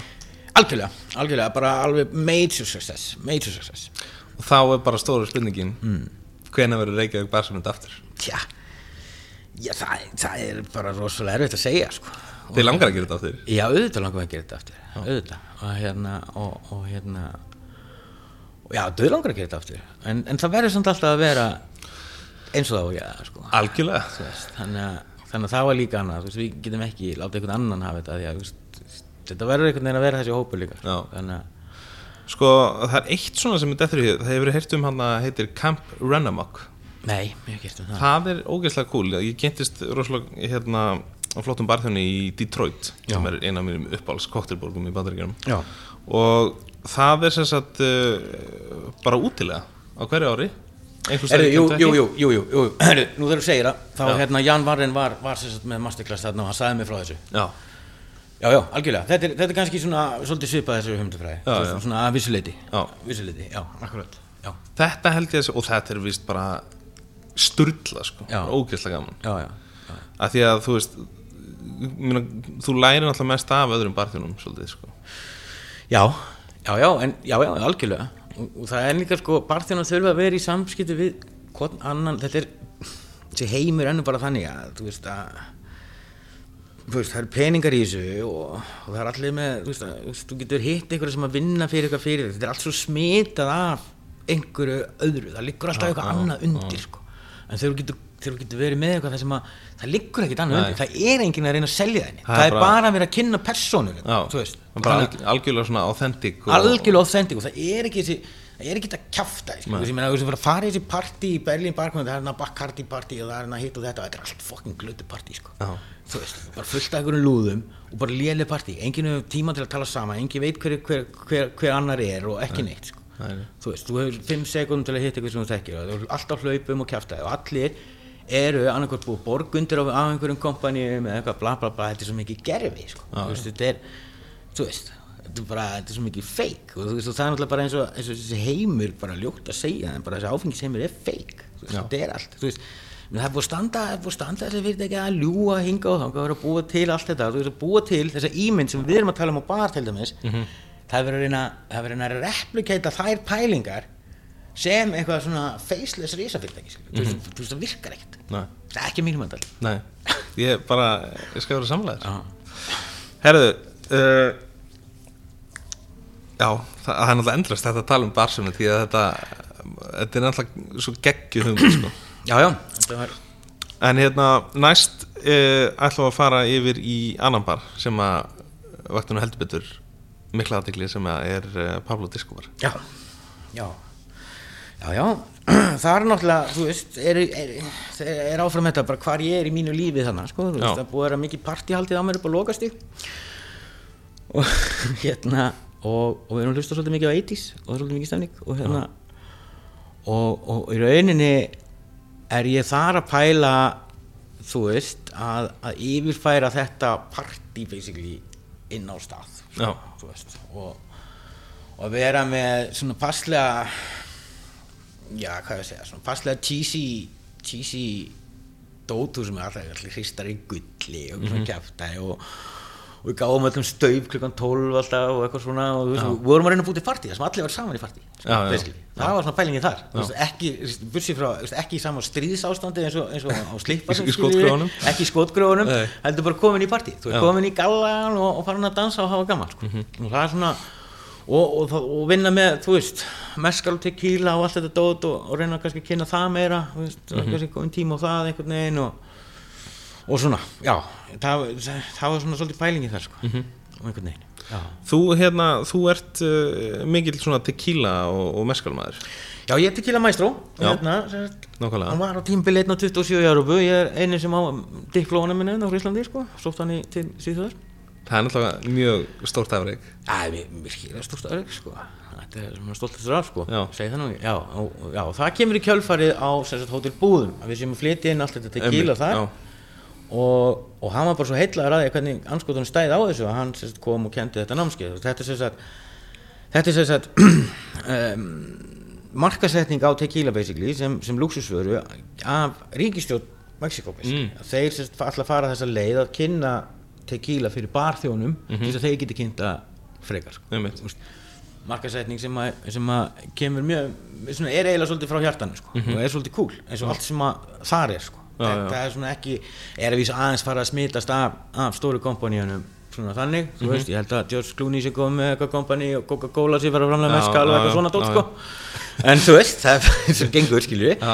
en þetta sem þeirra leið var sem sagt, þeir eru búin að skýta upp á bak með því að- rimka löggjöfuna um, um mixtó til dæmis að það mætti blanda niður í 51 eða sem sagt 49% einhvern annan spýra heldur en heldur en, heldur en agave skilju það voru búin að skýta upp á baka þar því að þeir voru búin að fara- framlega svo vonda vöru að það var komið svo vond orð á hana mm -hmm. ég fór að tequila fyllir í eitthvað dótarís þannig að Já, bústæður og æla og Já, akkurat, akkurat Þannig að því að þeir fóru með það úr 80% niður í sem sagt, 49% sko. mm -hmm. Nei, já, niður í 51% og það, það skemmti svolítið mikið fyrir þeim sko. og, hérna, og þannig að þeirra leið til upprisu var þessi leið og er í rauninni að kynna þetta sem luxusvöru og fara þessa bakterja leið að fara að barþjónum þú veist, að láta þá finna fyrir þú veist, eins og Ron Cooper gerir með, með, með merskali skilju, þú veist, og nær allt hérna komið svolítið upp í svona luxusvöru án þess að vera með eitthvað svona risa herferð, þetta fer bara, þetta er rosa svona mikið mano to mano, mano to mano, þú veist, menn er að hittast og spjalla og drekka, þú veist, og er að fá þetta, fá meskalið úr, úr, úr einhverjum plastöllum og, og þykir flott. Þannig að það er hjartað, basically, og það er það sem að barþjónar heitlast að og eiga heitlast að þegar að þú finnur eitthvað sem að þú, þú finnur hvað er á bakvið, skilur, þú veist, þetta er, þú veist, þetta er mjög rústik, þetta er, veist, að, þú veist, þetta er glycerín, þetta er alls konar, þú veist, þeir eru að brjóta allar reglur og allt er rugli og, og, og, bara, og bara flott, sko. Já. Er þetta eitthvað sem að við getum gert mögulega með okkar brennvín eða? Í, já, ég meina, þú veist, sko, hvað, ég meina, þú veist, við náttúrulega, markasetninga brennivinn kannski orðin alltaf lægi núna, en hún náttúrulega kannski læðist aðeins inn í það að það er, það er mikill hiti fyrir, fyrir ágavíti basically í, á Ameríkumarka veist, og í gegnum barþjóna til dæmi sem hafa komið og kynst í einhverstað þetta, þetta er allt tengt þannig, það, það er einhvern veginn það sem að, það sem að virkar sko. en brennivín, að kynna brennivín sem einhvers konar, þú veist, brennivín, þetta er miklu fínni þú veist, hmm, já, emmitt það er það Það er spurning eða? Nei, nei, nei, nei, þetta er bara, þetta er alltaf henni vara. Þetta, ekki, þetta hefur ekki, þetta hefur ekki neitt, neitt sérstakar stað í, í hjarta, hjarta Íslendinga. Íslendinga, en landin hefur það, ég er náttúrulega gert íslenska fyrsta, fyrsta og eina lögulega íslenska landan tengslum við Reykjavík Básumund hérna, Grandalanda Þannig að, og það, það er náttúrulega bara hvítur sigur og turbóker Já, já. og, og eima og það, og þessi, ég var að smaka þetta bara um daginn aftur og þetta er, það er, það er, það er ananas og melóna í lykt og gott máðfíl og, Mhm. og þarna er kannski möguleiki að ég var að tala til dæmis við Snorra um að, um að kannski, þú veist, þó að, þó að varan per se lúk ekki eins og hún getur verið eitthvað en þú fer að leika þið með ger og annað, dóttar í Mhm, það væri kannski meira, af því að sko af því að nú finnst mér alltaf bara eins og brennum kannski sé ekkit endilega sér íslensk sko. þú, kemur kannski bara úr ágavitinu annar staðar frá og, mm. veist, og hafa kannski alltaf veist, ég veit ekki, ég, ég, ég veit ekki. Brennivinn er, er mjög fín það segi sko en, en, en ei, þú getur ekki fara að merka sér það sem einhvers konar þú veist, ég menna, þessi gæjar í Mexiko eru að gera þetta í einhverju leirpótum heima á sér í einhverju Já, þorpi og þetta er að halda upp í fjölskyldinu þeirra og eitthvað þú getur aldrei búið þess að sögu kringu brennivinn sko, whatsoever, bara ekki sens þannig að þú veist frekar það sem að menn er að gera í kjallaranum hjá sig sem er landi Já, já. Ef þú getur fundið leið fyrir það þá er það kannski eitthvað Já, já. En hérna, uh, hvernig uh, eins og Pablo já, hvað hérna stefna þar? Þú komaði sína á, á hann á svona partystemning og svoleiðis. Já.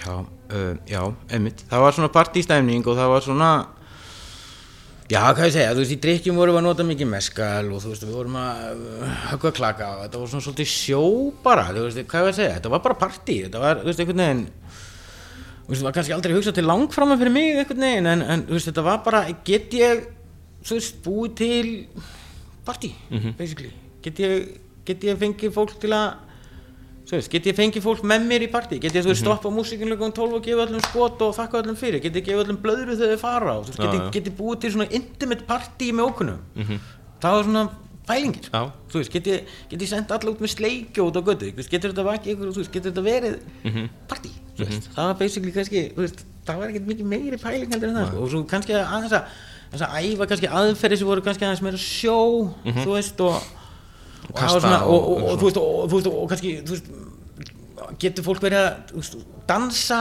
og verið að drekka kóktela getur fólk verið í stuði að drekka kóktela þarf fólk að sýta til að drekka kóktela og annað slíkt. Og það kannski kemur að kannski mínum, mínum kannski svona pælingu með hennar bransa sko, veist, hver er framtíð kóktelsins sko, hún er alls ekki á kóktel, sitjandi kóktelstað sko. Nei. Nei, það held ég ekki ég, þú, veist, að, að vissu leiti kannski en það er konið svo margir staði veist, það er kreppa í, í, í Danmörku finnst mér í, í kóttelbransanum, það er svo margir að gera sömu hlutina einhvern veginn og Danir eru svo fokk leiðilegi líka sko. þú veist, þetta er, þú veist, þetta drepa niður alla stefningu og setja allt í Excel-skjöl sko, þannig, að- þannig að þú veist, það er svona það má eiginlega segja að, að, að Danin sé að drepa kóttelmenningunni í kaupunum Aha. Já, ég meina þegar ég kem þetta er gott að þetta sé á íslensku sko. þegar ég kem hana þá er að fólk, að- þá er kóttumenningin að byrja það er eitthvað 10-12 ár síðan eitthvað, þá, þá er kóttumenningin að byrja í kaupmanna Já. og þá er þetta sagt svíjar sem er að koma sem er búin að fara til London fíl ekki stemningunum þar koma til Danmark það þarf maður að gera allt sem er það er einhverju breytar sem koma og döðnir löða þannig að þarna má allt þannig að þetta er basically allt byggilega útlendingum. Þegar ég kem aftur núna þá er þetta alltaf orðin danir. Það er ekki sama það er ekki sama, Sama væpið, þar, sko, nei. nei, það er ekki sama væpið þar sko. Þannig að þannig að það sem að mig langar að sjá, það sem að mig langar að sjá kóktelin nú langar maður að sjá kóktelin bara dreifast víðar. Í staðin fyrir að hugsa bara kóktelstaði hvar getum við sett kóktelin inn, þú veist, inn í aðra stemningu? Þú veist, getum við, getum við verið með teknopartí og kóktel mm við, það hefur nú verið reynd, góðu vinni minni hefur verið með, verið með hérna, hérna hérna, milk punch á, á reyfi sko, svo veist klukkan tíu morgun sko, veist, og, hérna, og það er pælingar þar af því að það er þessi sköpun. Þú þú ert með, þetta, þú, þú ert að skapa eitthvað og þá, þá, þá getur þú ná sambandi við veist, tónlistamenn og listamenn og annað. Og þá skeður eitthvað meira. Já, já. og það er það sem að, það sem að mér finnst alltaf eiga að vera sko. Já, þannig að þannig getur þú prófað einhvers konar svona innsetningar eins og barsept, getur þú verið með barið en einhvers þar það sem að er á ekkert að vera svona bar. Þú veist, búið, það er svona það sem að mér finnst mest spennandi. En þetta sit down, dót er jú fínt, þú veist, allt í lægi en þú veist, þetta er sama kreppan í fine dining, skilur mm -hmm. svo er nómaður fann að gera hambúrgar þú veist, þetta er, Já, já. þú veist, hver verður þróun ég veit það ekki, en Nei. þú veist, ég myndi vilja sjá kokteilin brjótast aðeins út og hérna fara víðar Já. það er svona, það held ég að sé málið sko. Við hérna, veltum þess að svipa þetta uh, Þegar uh, hvað, þú, Pablo er þú ert á Pablo hann hvað, 2016 eitthvað svona, þú náttúrulega mannst ekki ártöl hann Nei, ég maður ekki Já, já, einmitt En svo svo er hann er partíð búið þar hjá þér? Já, já, já, já, já, það er alveg búið sko. Veist, þetta var náttúrulega þú veist, ég, ég, ég, þetta var náttúrulega keirt svolítið, keirt, keirt, keirt sko. Hérna og ég rauninni, mann þegar ég sagði við sagði við samma sem að reyða mig það sko að ég, ég gæti kannski á sko. Þú veist, á, á fullum krafti sko. Og svo þyrfti ég, veist, eins og ég sagði á hann veist, maður þarf alltaf pásina maður þarf alltaf svona sko. Og hérna og ég, já, svo fer ég í þessa pásu og, og hérna og svona, þú veist eitthvað, hugsa mér ganga aftur og, dóttir mín flyttur út í Danmarkur og eitthvað svoleiðis. Þannig að, þú veist, ég núna, já, og ég eldi dóttir mín að beisli þá, eh, já, það er nú það maður. Ég er náttúrulega réð mig inn á teknoklúbarna mildiðinni hérna, box sko. Já. bara sem afsöku til að komast út en þá þá kveiknar hjá mér samt annað bara óvart. Og það er þetta þetta partyvæp og koktelin sko, veist meira. Þú veist að, að það sem að það sem að suðupotturinn er að skapandi músík og fólk er kemur úr öllum áttum og er þú veist, eins og það, eins og það bara frjálst og allt, þú veist, get ég get ég komið með mína pælingar inn í eitthvað svoleiðis. Mhm. og það er ennþá kýtla mér rosa mikið í það að, hérna, að koma þessu inn, inn, inn á staði sko, þú veist að finna einhverja vinkla fyrir já, og þú veist og þá sem einhvers konar heldar stemningu sko. já uh, En síðan, þú, uh, það er þessi kultúrbóks, eða ekki? Jú, jú En síðan ferðu þaðan bara yfir á staðin svo núna? Nei, nei, nei, ég fyrir á 14.05 fyrst sem er sem sagt uh, staðin við hliðina á uh, hvað heit það er? Mm, mm, Tækjastöndum viðsýnstæður hérna frá Bornholm. Kató Já, og þá ferum við í svona verkefni að vinna með nordískar vörur með Michael Olsson vinnu mínum og hérna og erum sagt að vinna með ótrúlega flott konsept sko. En, en erum upp í, erum á stað sem að, við hliðin á Kató sem er tveggjastöndum viðsýnstæður og nýbúin að fá aðra stjórnuna sína og þar erum við að vinna með kokkunum þar. Þannig að við erum að vinna með alls konar dóð sem þeir eru að vinna með sem eru reyktan rjóma, hitt og þetta og bara nordíska vörur, mm -hmm. bara ágaviti bara, þú veist, bara vörur sem kom frá Danmark og annað, þú veist og, og gaf mér ótrúlega mikið sko. En þetta var bara frekar uh, stutt líf á þessum stað. Já, bara því að verkefni var kannski óstórt fyrir eigendur og annað og, og þetta var svona já, en ég grætti rosa mikið á þessu sem vinna með svona bara eldurs í þessu leveli og, og þú veist, og opnaði, opnaði kannski það sem að mig vantaði kannski þú veist, mm því að ég, náttúrulega, nú var ég að predika á þann að fólk ætti að nota íslenska vörur en hversu mikið hef ég gert það gegnum tíðina, ekki nóg held ég.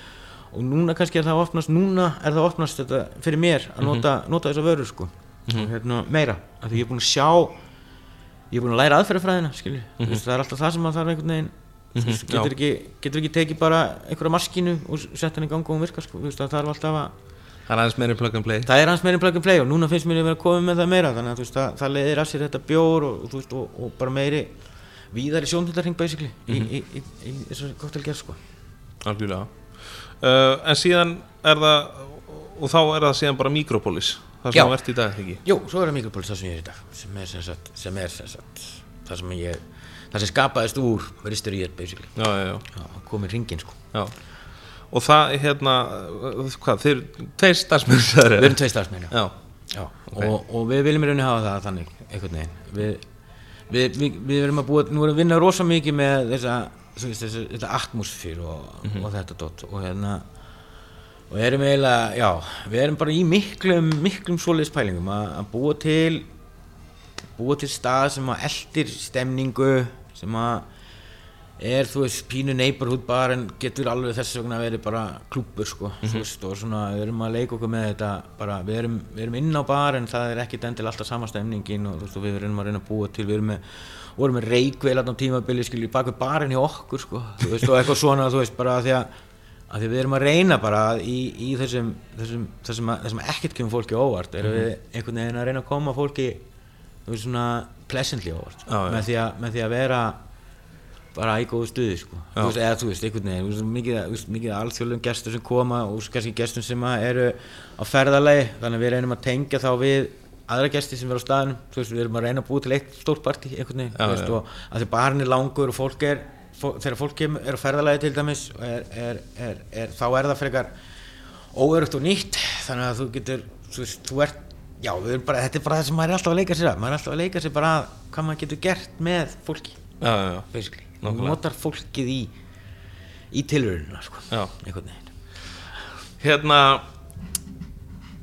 förum síðan aðeins yfir uh, uh, framhaldið og, og svona, svona framtíðina en fyrst ætla ég að henda þér hér í skemmtilegan lið sem er svona svona vídeoleður og heitir Streinarinn þessi þáttur er hristarinn sko. Og þetta er raun bara svona skemmtileg uh, svona spurningarflóra. Svona svolítið svona hraðaspurningar og eitthvað svona. Aðeins til þess að brjótu ok, er tilbúin í þetta? ég, ég hef ekki hugmyndi, jú, jú. Kilmáta Herru, þá ætlum við að uh, henda okkur í þetta. Uh, Ertu klárið það? Er Það ekki? jú. Herru, ok, þá ætlum við bara að byrja hérna á, ég ætla að passa að sjá úr þetta ekki alveg sko. Þá ætlum við að byrja, ég, þetta er svona, uh, byrjum á svona, þetta er svona annarkvort eða. Þú ert að svara svo svolítið hratt sko. Ok, uh, Tilbúin, Já. uh, vodka eða gin, gin. Uh, dögdróm eða konjak, úf Úa, dögtróm, tequila eða ljóstróm, tequila. Brennvin eða meskal meskal, Bourbon eða Scotch Blend? Bourbon Single malt eða ræ ræ, Vermúð eða Amaro? Amaro. Hvítjun eða rauðin rauðvin, hvíti, ég veit það ekki uh, Portvin eða seri uh, sherry, Kava eða Prosecco? Prosecco. Eða kampaðin Eða kampaðin Herra, ok, það er að drikkir Já, um, Paloma eða Pisco Sour? Paloma. Dækjur eða Dramastini Dækiri Mai, Thai eða Mojito? Mætæ, það er sama skítur. Já, já, mætæ Sex on the Beach eða skrúdræður Ú, skrúdræður Bloody Mary eða Whisky Sour? Viskisár Apollo Spritz eða Espresso Martini? Hvort? Moscow Mule eða Mango Tango? Mangotango allan daginn maður, allan daginn. Gin og tónik eða gimlet? Gimlet. Uh, Irish Coffee eða Kakao Stró?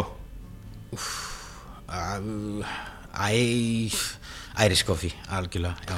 Jagabam eða vodka Red Bull. Ah, Vodka Red Bull bara svona Það gamla tíma sko. Haldið fast núna, Negroni Old Fashion.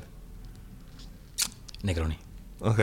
Herðu, þá er það svona mystery challenge. Já, og nú voru að taka vel, eftir sko. Já, af því að sko, bestu barþjóðan geta gert góðan drikk úr fáum prófnum og þú ætlar að gera sour drikk og það eru fjóri emslutar það er sem sagt sterk vín, það er vodka, gin, bourbon sæta, hvítursikur, agave maple syrup Já. síra, uh, sítrónulæm og misa og krydd það er chili, lárveðalöf og stjörnuanis.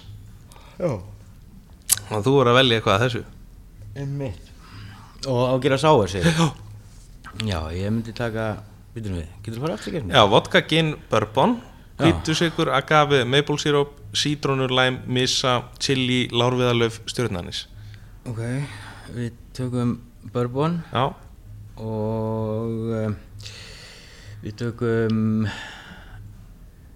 við tökum maple og stjórnuðanis ok. En í sírunni? Sírunni tökum við hvað var ég því að þetta er? Sítrónulæm og misa Já, tökum við læm og misu saman. Já, ok Og hvað var hann að heita? hann á að tek vú, það er bara fyrst að við erum inn á Pettersen og hann á úrlegin alltaf frumkvöðull í í skotum á sín tíma. Já, Þannig að alltaf hann ekki að heita bara tekin á túr í baði eða eitthvað herru, snild Þetta var mjög vel gert. Svo snild Herru, þá heldum við áfram. Þetta var mjög skemmtilegt. Svona smá flip sko, getið skoðað þetta inn á Instagram síðunni? Uh, at the Weisman Hérna Nú ætlum við aðeins að fara yfir sko Ef við hugsa bara svona þig sem barþjón.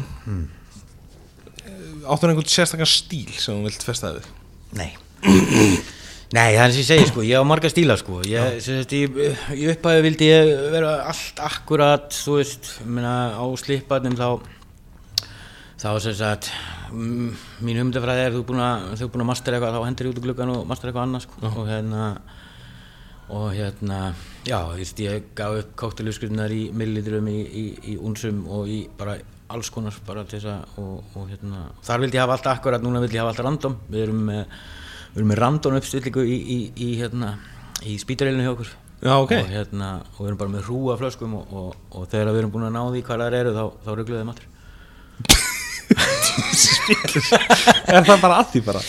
Það er bara þess að þú getur verið búin undir allar aðstæður. Þú ekki, þú veist, þú veist, þú ekki að gengja inn í hvað sem er og, og þú stundum er mikið að gera og allt er út um allt og þá þarfst að geta unnið þannig skilju.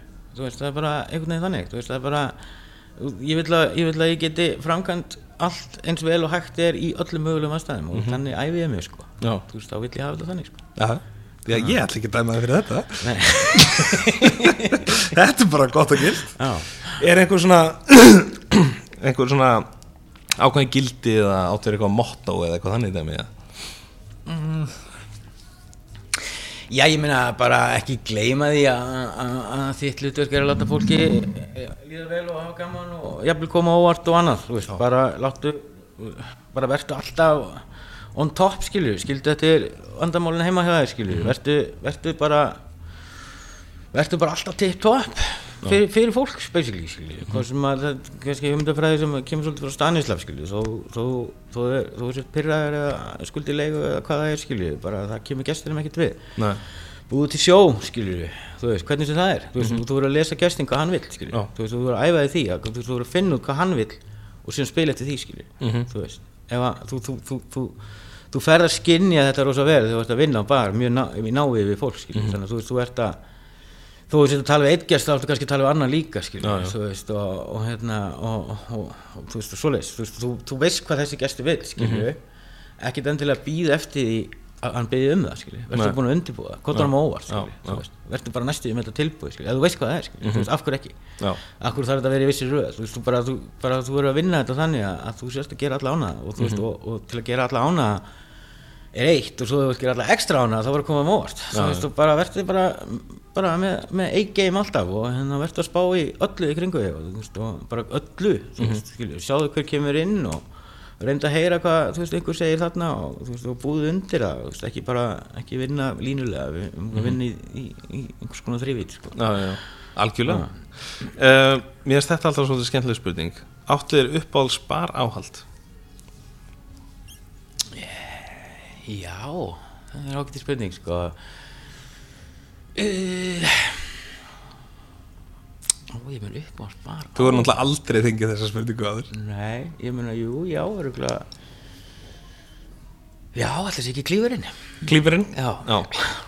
Fyrir það sem að ekki viti hvað Það er svona kjöt, kjötsaks. Já. Já, Sem að þú náttúrulega nota til þess að kvætta klaka? Já og, og leigir að drikki og opna flöskur og, og Já, þú veist, í allt sem ég mögulega get notað henni í. Já.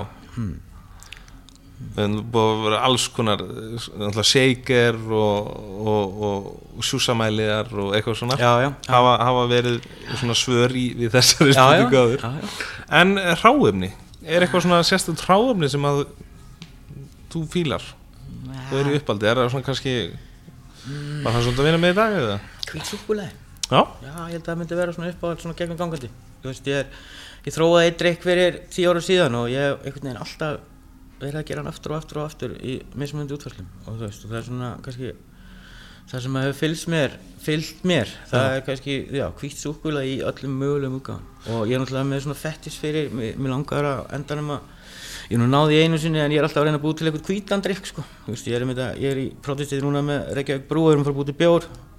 Byggðan á, á Ramos Ginfish Já, og, ok. og ég vil endilega hafa hann hvítan. Já, en hérna ég veit ekki hvort að þeir náðu því sko. Þetta er svolítið skemmtilegt verkefni þar sem ég útskýrði bara með orðum hvað það var sem við ætlum að gera. Mér lakar rosa mikið til að sjá hvað kemur úr þessu. Ég er að fara að bruga þetta í næstu viku? Mjög spenntið fyrir að sjá hvað kemur úr þessu. Já, emitt Ok, það er mjög áhugavert. En hvernig notar súkulaði, þess að hvít súkulaði í, kóttula? Mm. sko ég, ég er mikið að- sírópa það sko. Og hérna og, og veist og, bæta þá í það þú veist einhvers konar hvitsúkulega timjan, chili, dót skilur alls konar. Mikið mikið þema hjá mér, þú veist ég hef líka verið að búa til rjóma líkjöra, þú veist skilur ég verið að búa til beilis og, svona dót eða svona svipa, þú veist nota hvitsúkulega það. Já, uh, hvitsúkulega hef ég notað mikið líka bara í þú veist sours, þú veist og búið til svona þú veist, sem, sem ég hef mjög mikill áhuga maður um að geta búið til sem sagt, þú veist creamy sour basically sem er þú veist refreshing en samt creamy þú veist eitthvað svona.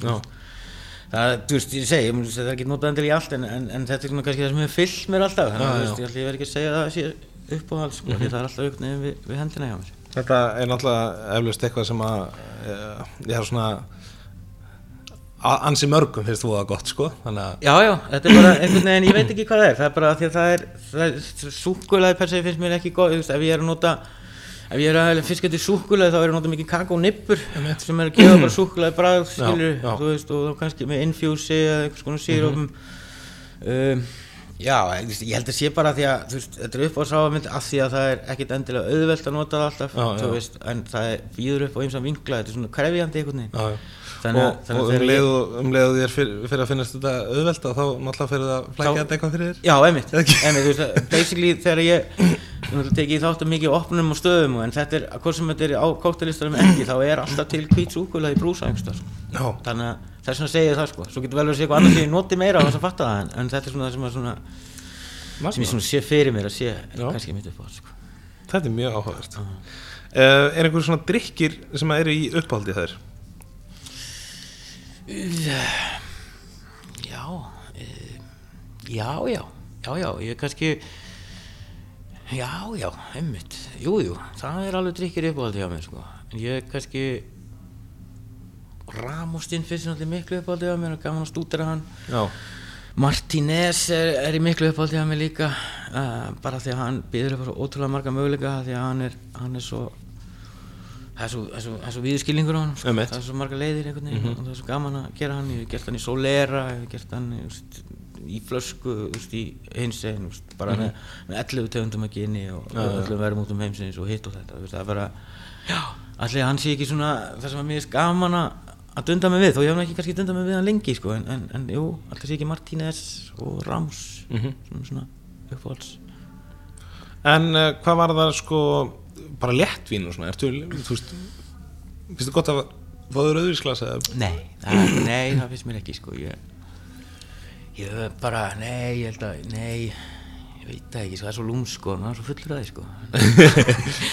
Nei, ég hef lítið notað, þú veist, nei, nei ég, ég er ekkert endilega það heilla mig ekkert sko, ég er kannski búinn bara með minn partar sko. Mm -hmm. ég var í þjóninum og þú veist, og var að vinna rosa mikið með vín og hérna, og stúderaði og, og þú veist, en það fór alltaf út í það að mér langaði að blanda saman okkur tegundum og Já, svona dót skilju, þú veist, og jú, mér fannst það rosa skemmtilegt en þetta er bara, það er svona svona ákveði hvað ég að segja, það er svona ákveði distans fyrir mig af því að það þetta kostar svolítið pening og svona það sem að ég myndi vilja gera, hef ég kannski ekki möguleika í mínu starfi, Mhm. þú veist, ég myndi vilja fara lengra heldur en, þú veist, um þú skilju, ég myndi vilja vita hvað hva þetta væri og þetta og þetta og þú veist, eitthvað svona. Já, þannig að ég er svona kannski bara sleppið í frekar heldur en, að, heldur en að vera spáðið, sko. svolítið svona eins og ert að gera núna bara með bjórin Já, já, í rauninni, vita svona svolítið meira já, eins og þú tala um bjór hráöfnin og þetta sem þú ert að nota á hliðis Já, já, svona fyrir mig persónulega það myndi ég ekki fá með vín en, en þú veist ég get séð mig kannski vinna með það í framtíðinni en þú veist ég er bara í öðru núna. Já, uh, en eins og styrtvín þú veist, það er náttúrulega mikið sko, sherry hefur náttúrulega á Íslandi kannski verið svolítið bara bundið við uh, ömur okkar og, og, Já. þá kannski bara Bristol Cream eða eitthvað svo leið sko. en þetta er að gera það samt gott í koktelum ellendis allavega Já, já, sér ég mjög skemmtilegt og, og það er líka það sama þar, það er rosalega breytt í þessu. Þú veist, þetta getur verið alveg bara síróp upp í bara mjög delicate stuff og, og hérna, já, þurrt og allt í fjandum bara. Þurft og sætt og allt þetta, já, mikið breytt í þessu. Jú, sér ég mjög, mjög skemmtilegt sko. Uh, sko ef þú værir ekki barþjóð Mhm. hvað myndur hver verður þá? Já, þú, það er eftir að segja sko. Mjög erfitt að segja sko. Ég hef bara ekki hugmynd sko. Nei. Ekki hugmynd sko. Ég veit það ekki sko. Sérðu fyrir að þú, þetta er það sem þú vilt gera bara í framtíðu?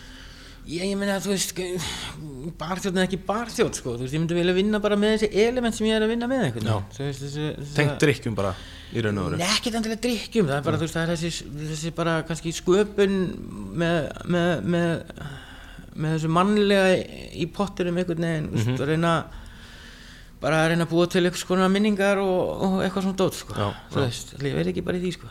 Ég er ekki bara að halda partí eitthvað er eitthvað partí-promóter eða eitthvað, Já, kannski. Kannski einhverju- Nei, kannski bara okkur teknoklub eða eitthvað, já, ok ég held það. já.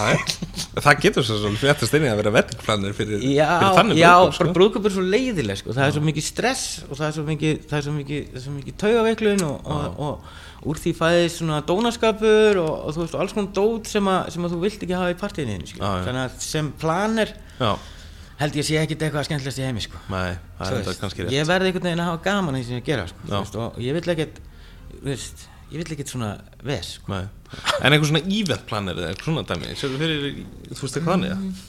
Já, ef ég hefði einhvern með mér í það sko, þú sem maður getur séð um þú eitthvað svona, eitthvað það sem ég kem með einhver svona einhverju hugmyndir og einhver annað franga mér, það væri fínt í þessu laus, Já. þú veist, kannski Já En hérna komum aðeins inn á dáðan barþjónakeppnir Mhm. Hvað er hvað finnst þér um barþjónakeppnir? Já, já, mestmegnis finnst mér það bara að vera markasetning og, og hérna, og kannski farið svolítið Æ, ég veit ekki, mér finnst það kannski svolítið skringilega framkvæmd oft og það er verið að búið til einhverju stjörnur úr, úr einhverjum gæja sem er að blanda drikki úr einhverjum vörum sem eru fyrirfram ákveðnar og sem er rauninni Æ, ég veit ekki, þú veist, ég, mér finnst þetta einhvern veginn ekki ekki vera til bóta fyrir bransan, skilju, mm mestmegnis Uh, aftur á móti eru sko kannski svona minni keppnir og sem að maður kannski sér minn lítið lengur. Þú veist, til að byrja með voru keppnir voru keppnir bara, þú veist, milli barþjóna í alls konar, þú veist, að Krista Læm eða whatever, það sem tengist bara um að koma saman og annað, en þegar ég bara, ég hræðist alltaf þegar keppnir eru einhvern veginn þegar, það er verið að educata þig þegar það er verið að prómóta þig að prómóta vöru og síðan keppi ég einhvern veginn, mér finnst þetta einhvern veginn þetta dubjus oft á tíðum. Og hérna, jú, jú, það fæðast einhverju koktelar en, en þú átt að að marka setja einhvern veginn vöru fyrir einhvern annan undir einhverjum uh, keppnis hérna, formerkjum, ég veit það ekki. Mér finnst oft á tíðum vera frekar mikið skítalit að þessu. Og ég fór til dæmis á bar út í, út í París þar sem að var einhver séuæri í, í hérna í völklasskeppni sem var með bar. Og það hengur bara upp auðlýsingarspjöld frá völklass skilur og ég bara, þú veist, ég veit það ekki. Nei. ég veit ekki hvort að það sé einhverjum til góð þú veist, þannig að, þú veist, að því að mér finnst að keppnir eiga kannski að opna sjóndeldarringin aðeins skilur, þú veist, en, en að ég veit það ekki, þú veist, jú, jú keppnir eru alveg fínar per se, skilur, en þær eru sumar eru náttúrulega bara hvað hva býr á baki, sko, þú veist, að ég veit ekki hvort að það sé alltaf alveg ljóst, sko, Já, já. og, og hérna, þú veist, er það til að þú veist, búa til eitthvað til að selja fyrir vöruna sem, já, að sjálfsögðu, þú veist en, en, en, en það, keppni er það ekki bara eitthvað svona þú veist, ég veit það ekki, er það ekki sækjum starf bara? Já, eitthvað PR, dot, ég já, veit það ekki? nákvæmlega. Ég er náttúrulega kynnt þessu aðeins já, einmitt uh, Sko munum kannski líka bara hjá mér er ég fór aldrei út sko Nei. Þannig að það var svo erfitt einhvern veginn að, fyrir mig að vita bara veist, er ég að gera rétt skilju eða, fattur hvað ég meina þú, þú veist, þegar þú ferð á betri koktel outlet þar að segja sko, ferð til landa sem eru betri þú veist, barþjónar en þú og Já. þú veist, er, þú ert að vinna geð flottu fólki Já. ég einhvern veginn náði aldrei að upplifa þetta sko. Nei, en, en það, veist, það er líka í þessu annað sko, þú veist, að því að nú fór ég hérna í invite sko, hans að vita neitt heldur sko Já. Og þú veist, og ég veit bara fyrir víst að þegar þú ert að keppa mikið Mhm. þá ertu, þú veist, þú keppir mörgum keppnum sem er margir gera Já. og þá komst ég að því að þá þekkir allir dómarana sko, Já. þú veist og þú er búin að keppa fyrir á mörgursunum þú er búin að vinna við, í, í öðrum prótistum með þeim þú veist, það eru kannski, þú veist, bla bla bla Mhm. þessi heimur er rosa lítill þannig að þú veist, þú veist ég veit það ekki, sko, ég þú veist ég veit ekki, ég, ég, kannski, veist, er ég ekkit rosalega hlindur þessu alltaf, sko, af því að mér finnst þetta kannski ekki af hverju er verið að keppa, sko, þú veist, í hverju er verið að keppa? Já. Sko fyrir mig, mínu upplifun eftir þetta var í raun, þetta svona setti þá, gaf mér þá allavega þetta, þennan, stimpila bara, ok, þú, þú ert greinlega svolítið á réttri leið, sko. Já, uh, en hins vegar að þá, eins og þú talar um að þú verður svona svolítið bara þú talar um heilaþvegin og að vissu leitið þá, þá svona verður maður pínu heilaþvegin að þessu, sko. Já, já. Uh, og það er svona einhvern veginn bara núna á undarföldum árum þegar ég hætti bara svona fór að fljúa þá Já. átti að maður bara, herru, ok þú veist, ég get ekki verið bara það er til svo mikið, sko. Veist, ég verð að vera bara með að finna bara út hvað finnst mér gott og af hverju og, og, já. og vera svona sjálfur einhvern veginn að ráða því. Já, fattur heldur en að láta einhvern annan að gera það, sko. Já, já, já, ég meina nú, nú þú til dæmis, sko, þú veist, ég veit ekki hvernig það með til þess kokkakeppnir og annað, þú veist, ég meina nú veit ég ekki alveg hvernig þær fara fram en ég myndi halda að þær væri kannski meira fókusar á, á þú veist, Já, þú er að koma með, með þinn eigin þú veist, frá þínum he- heima Já, sko, skiljið, þú komið þitt atmó inn. Í staðan fyrir að reyna að passa inn í eitthvað eitthvað svona fyrirfram ákveði form sem að barþjóðn er og reyna að búa til einhverja ímynd úr þér sem þú ert kannski ekki beint, skilju, þú veist. Kjarnafæði skilurðu? kokkurinn Já, en ég meina þú veist, ég meina sá bara eins og þegar hann vann hérna þegar hann vann hérna hann djöfullin heitir hann sem að gerði hérna Blackwood Brunch Smash hérna, sem var einn af þessu stóru nöfnu sem vann hérna World Class. Hvað hann aftur? Hann var að vinna á hérna í Chicago hérna. Já, uh, Charles Jolie. Charles Jolie, já, akkur þá sér maður svona einhvern veginn hvað hva, hva, hva þeir eru eftir í keppnum. Hann var að gera koktela á, hann lúkkaði geðvett vel. Hann var að gera koktela á Óskarsvölun hátíðinni og bla bla bla, hann með svona hund og hann svona flottur og með tattu og eitthvað er það ekki bara það sem eru eftir skilju þú veist, ég spyr mig sko, Já, já. ég veit ekki. En það var svona, það, að því að honum var ítt alveg sérstaklega upp tók ég eftir, að því að Mhm. hann lúkkaði partið sko, þú veist, skilju, en er það veist, hver er keppnin, er, í hver er þetta Mhm. mm -hmm. er þetta keppa í hvað sætur eða já, já, eða skemmtilegur eða algjörlega. þekki marga eða, veist, eitthvað veist. já. Þetta, þetta er mjög gaman að fletta sér upp, sko já, ég meina, þú veist, ég, bara, ég veit ekki ég veist, nú bara veit ég bara að veist að, að þess að keppnir er kannski ekki, þú veist þær þykja kannski ágæta til að koma þér á framfæri en svo, svo sita menn uppi með, með, með það að vera komin með einhvern inn á barinn þinn basically og svona svolítið kannski farin að ráða þér, stjórna þér einhvern veginn, hvað þú ert að nota og, og einhvern veginn, af því að þú vannst einhverja keppni Já. skilur fyrir hann ég skil ekki sko, hver er að vinna í þessu sko. Já. stundum Já, já, algjörlega Sko, ef að útgangspunkturinn er hvað er barþjónunni, eða svona barsenunni til framdráttar, að þá, þú veist það er það náttúrulega okkar jobb að, að educata já, en, já, já, en þegar einhver er educate þig skilju, að hann en það, það er ekki það, en kannski eitt gott við keppnu og kannski meira til að byrja með, ég veit ekki hvort er eins núna en það, það er náttúrulega búið til tengslanir að þetta er náttúrulega þú veist, það er rosa mikið sem að það hjálpa þér í rauninni í þínum bransa að, að tengjast barþjónum skilju, og börum og öðru og það, Mhm. Er kannski, það er kannski gott í þessu. En þú veist að, ég veit það ekki. Ég meina, veist, finnst bara barþjón barþjónin einhvern veginn vera svolítið mikið rock og roll og opinn fyrir sköpun einhvern veginn.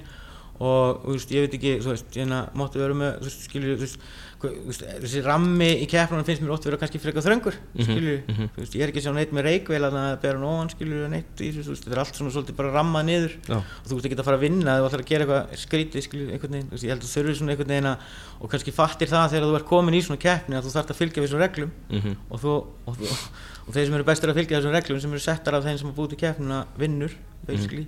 Og þetta þetta kompani sem er að búa til keppnina er líka að selja þær sprúttið þú veist og ég veit ekki, mér finnst allt svolítið skrítið sko. En hérna, ef við förum í aðeins bara barir svona erlendis, hvað er uh, svona þínir uppáhaldsbarir sem þú hefur farið á? já, já, já, já það er sko, nú er bara þannig að þeir kannski breyta svolítið mikið alltaf og, og það er kannski það sem að Ég held að minn uppáhalds all time sé Dutch Gills í, í, í New. Queens í New York með Ritchie og, og, og það dótar ég því að þá einhvern veginn kom ég inn á bar sem var það var allur, allur, allur klaki hanskórin þjónust var ógíslega hröð en barinn var gjössanlega stappaður þú stóðsport á miður gólfið sko. það fannst mér geggja sko. Og ég fílaði það sko. svo farið á alls konar bari sem er náttúrulega eru öðru síðan. Ég held að svo upplifun hafi verið svona það sem að kannski svona einhvern veginn sem ég teki mest úr einhvern veginn þú veist. Og svo, nei, nei, nei, nei. Já, ah, hann verður að vera í öðru sæti. Já, er- það er Attabói maður, Attabói Já. málið sko, Já. hann er geðveikur. Hann er aldrei, ég hef aldrei verið fyrir vonbriðum þar og það er engin seðill og það er allt þú veist, búm, það er Attabói, já. Það skilst nú tvö. Báðir í New York. Já, báður New York. Já, ég, skil, ég verð að segja það, nú setna árum er ég fann að aðhyllast meiri ameríska barmennsku heldur en evrósku því að mér finnst mér finnst mér finnst sko vera heldur mikið staðlað einhvern veginn í Evrópu og mér finnst menn vera svona kannski svolítið svona meira útreiknaðir, þú veist, jú, kannski flóknari oft á tíðum en, en þeir gleyma mm, þeir eru oft svona kannski aðeins og too cool for school sko, þú veist einhvern veginn og það er svona, að ég veit ekki, það er eitthvað atmódót sem ég er ekki alveg að fíla sko. þeir, það er svona, já, mér finnst New York stemningi betri, skemmtilegri Já. hún er meira lively, það er meira svona það er alveg top-notch gæði og allt en, en það er þessi mannlegi þáttur sem, að, sem er sterkar í, í, í Ameríku heldur en í Evrópu, finnst mér Sko, mér finnst, já, ég er samlega Mér finnst uh, bandaríkin líka Það sem að, nú náttúrulega var ég að fljúa og, og koma Já. á fullt af stöðum Já. og nýtt tækifæri svolítið vel til þess að skoða mig um sko. Já. það sem komið mest ávart voru barinnir sem að voru í þessum já, innan gerðsala bara litlu borgum Já, skilur já, já. Uh, kannski ekki lítið á með okkur sko en, en þú veist eins og Detroit, Pittsburgh og eitthvað svona Mhm, það er alveg geð það er bara, þú veist, og eins og ég fór á staðan í Detroit sem heitir uh, Sugarhouse sem að var að fá sko svona James Beard Award Já, já, já, já. þannig að þú veist, þessi svona litlu staðir sem eru samt risastóri eða svona litlu borgir Já. þar er alveg að finna alveg það er ekki stórsena, það eru geðveiki bara sko. Já, ég get alveg tróðið, ég get alveg tróðið og hérna, já, eins og ég ég, hérna, ég upplifi, þú veist, eins og, eins og í dam, þú veist, náttúrulega kannski það sem ég hef mest við viðmiðina núna, ég upplifi svolítið kreppu Já. í, Já.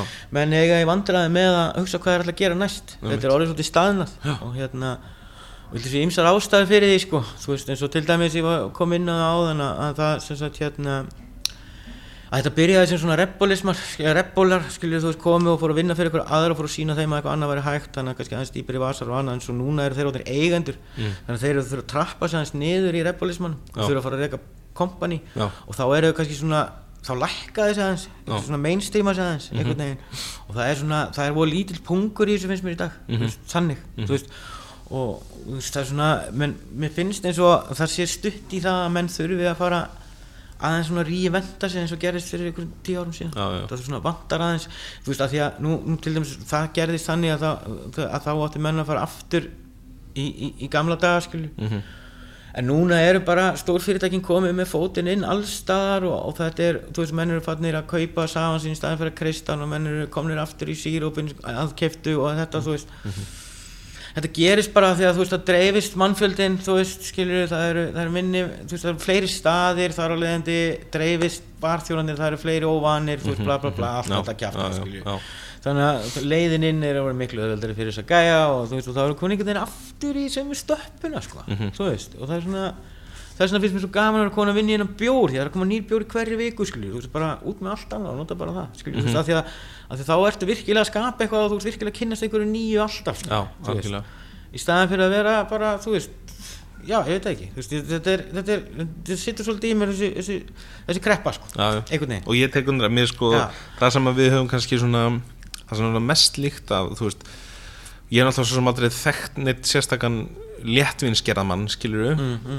mm, mm. en mér finnst sköpunin í bjórgerð s- þetta, þetta er svolítið svipu pæling og hjá góðum koktelbarþjónu sko já, já, ég meina þetta er menn sem er að sko, eru bara að gera hlutina basically, Já, þú veist, þeir eru já. Mhm. ekki hrættu að gera mistök og, og annað, þú veist, og þetta er það er meira frjálsræðið þarna Já. þetta eru, þú veist, eins og þetta bara þetta kerfi sem að Mikkelrunni finnur upp þetta gypsy brewing og þetta dótskil Mhm. þar sem að þú ert basically að, að að nota bestu brúurinn til að búa til besta bjórin ba, ba, ba, út um Mhm. allt skilju þannig að veist, þetta er ekki allt einhvern veginn í sama þetta er, er bara ótrúlega sköpun í gangi þannig Já, ég er að fýla þetta og þú talað þess að bjórgjara kalla og þú er að henda hinn og þessi og eitthvað þú veist, ég bara, wow, þið eru rockið róleis maður, ég fýla þetta, ég, ég vil vera með þessu Já. þetta er cool. Þetta er geggja sko. Já, og þarna vill ég vera og líka bara þessi litli distillir það er kannski erfiðara þar og er alltaf regluverkið er náttúrulega er mikið sko. þannig að þú, þú er kannski ekki að pumpa út vörum og Mhm. bla bla bla en, en ef það væri til dæmis einhver sem að gæti unni með þessu vöru skilju til dæmis eins og inn á Íslandi þú veist að þú ert að gera eitthvað getur, þá, getur, þá getur þessi distillir tekið meiri sjensa. Ef þú veist, vissir það að menn væri tilbúin að vinna með þessa vöru og væri tilbúin Mhm. að leggja sér fram að gera eitthvað með þessa vöru skilju sem að, að því að þú veist hún kannski verður svolítið útundan að því að nú er nú er Diageo bara risa stórt hérna skilju já. þú veist það er bara þannig og, og kunnin eins og við vitum er bara hann velur sér bara sitt skilju það er þitt að, að, að, og til þess að, vera með eitthvað edge þá verður þú að taka sjensa í þínum bransa skilju Mhm. en, en málið er það að menn gera það kannski upp á einhverju vissu marki og svo bara svo, svo, svo, dopnar það út skilju það er, það, er- þú veist, það er þessi punkur það er náttúrulega kannski það því að reksturinn er erfiður og annað en, en þú veist ég held það að þú ert með nógu ferskar hugmyndir og nógu fersk, ferskar nálgun á hlutina Mhm. skilju, og ert tilbúin að taka taka sjensa, þá getur það alveg Mhm. Já. þú veist, það er ekkert sem segir að að það þurfa að klikka Það þarf ekkert að klikka. það þannig að, það er ímslegt í þessu Já Uh, talandum um það, færum okkur yfir á, á Ísland hvað hérna og barsjónuna hér Já. hvernig er fyrir þig að- koma hérna heim og, og sjá hvernig, hvernig þetta er orðið hérna ég maður alltaf sér sér kannski ekki mikið sko. ég er nú kannski að vera latur við að fara ég, en, en, hérna já, ég, svona, ég kannski veit ekki alveg nákvæmlega hvað er í gangi hérna en, en, en hérna þú veist, en það er, þú veist, það er náttúrulega konið fleiri kóktelstæðir og það er, þú veist og, og, og ég finn alveg að það er verið að gera hitt og þetta, sko þú veist, en, en, en það sem kannski það sem ég finn ekki kannski er er eitthvað svona íslenskt elementi í því, sko, mm skilur mig? Þú veist, ég, ég sé koktelbari, þú veist ég sé koktelbari sem að geta alveg verið, þú veist, í öðru landi einhvers staðar, eitthvað, ég, ég, ég sé kannski ekki authenticity, skilur Mhm. þú veist, ég sé ekki ég sé ekki punk, skilur þú veist, bara svona, bara sem utanakomandi, skilur Mhm. þú veist, ég sé ekki ég sé ekki ég sé ekki reikvelar og leysa, sko þú veist, eða skilur, þú Nei. veist, ég er svona ég sé ýmislegt, en, en Mhm. þú veist, ég ég er ekkert að, þú veist, að, ég veit ekki, ég ætlum ekki að vera leiðilegur á neitt hátt, sko, en ég sé ekki neitt sem er nýtt Mhm. þú veist, svona utanakomandi þú veist, einhvern veginn Þú en, en þetta er bara sama og í sjálfstæri heiminn þú algjörlega, þú sko. þannig að ég, þú veist Þú veist, mér finnst náttúrulega geggjað að, hérna, Jungle sé bófnum náttúrulega og, og, og sé ungt fólk sé mikið þar, sko, Já. sem er náttúrulega geðvegt Mhm. og þeir eru að bara sagða, þú veist, hitt og þetta cool, sko Mhm. en, en, og, hérna, og það er bara fínt en hérna Ertu ertu múin að kíkja það?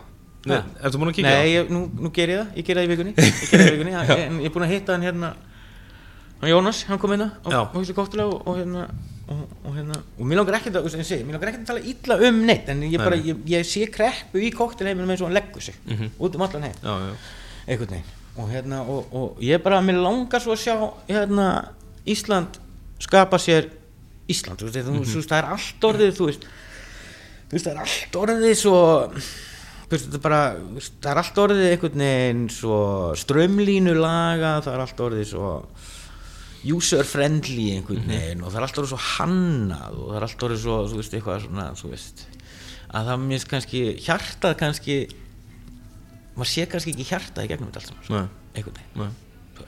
En hérna, sko, koma að sína það með að, að hérna, uh, svona stærri fyrirtæki eru komið mjög mikið inn.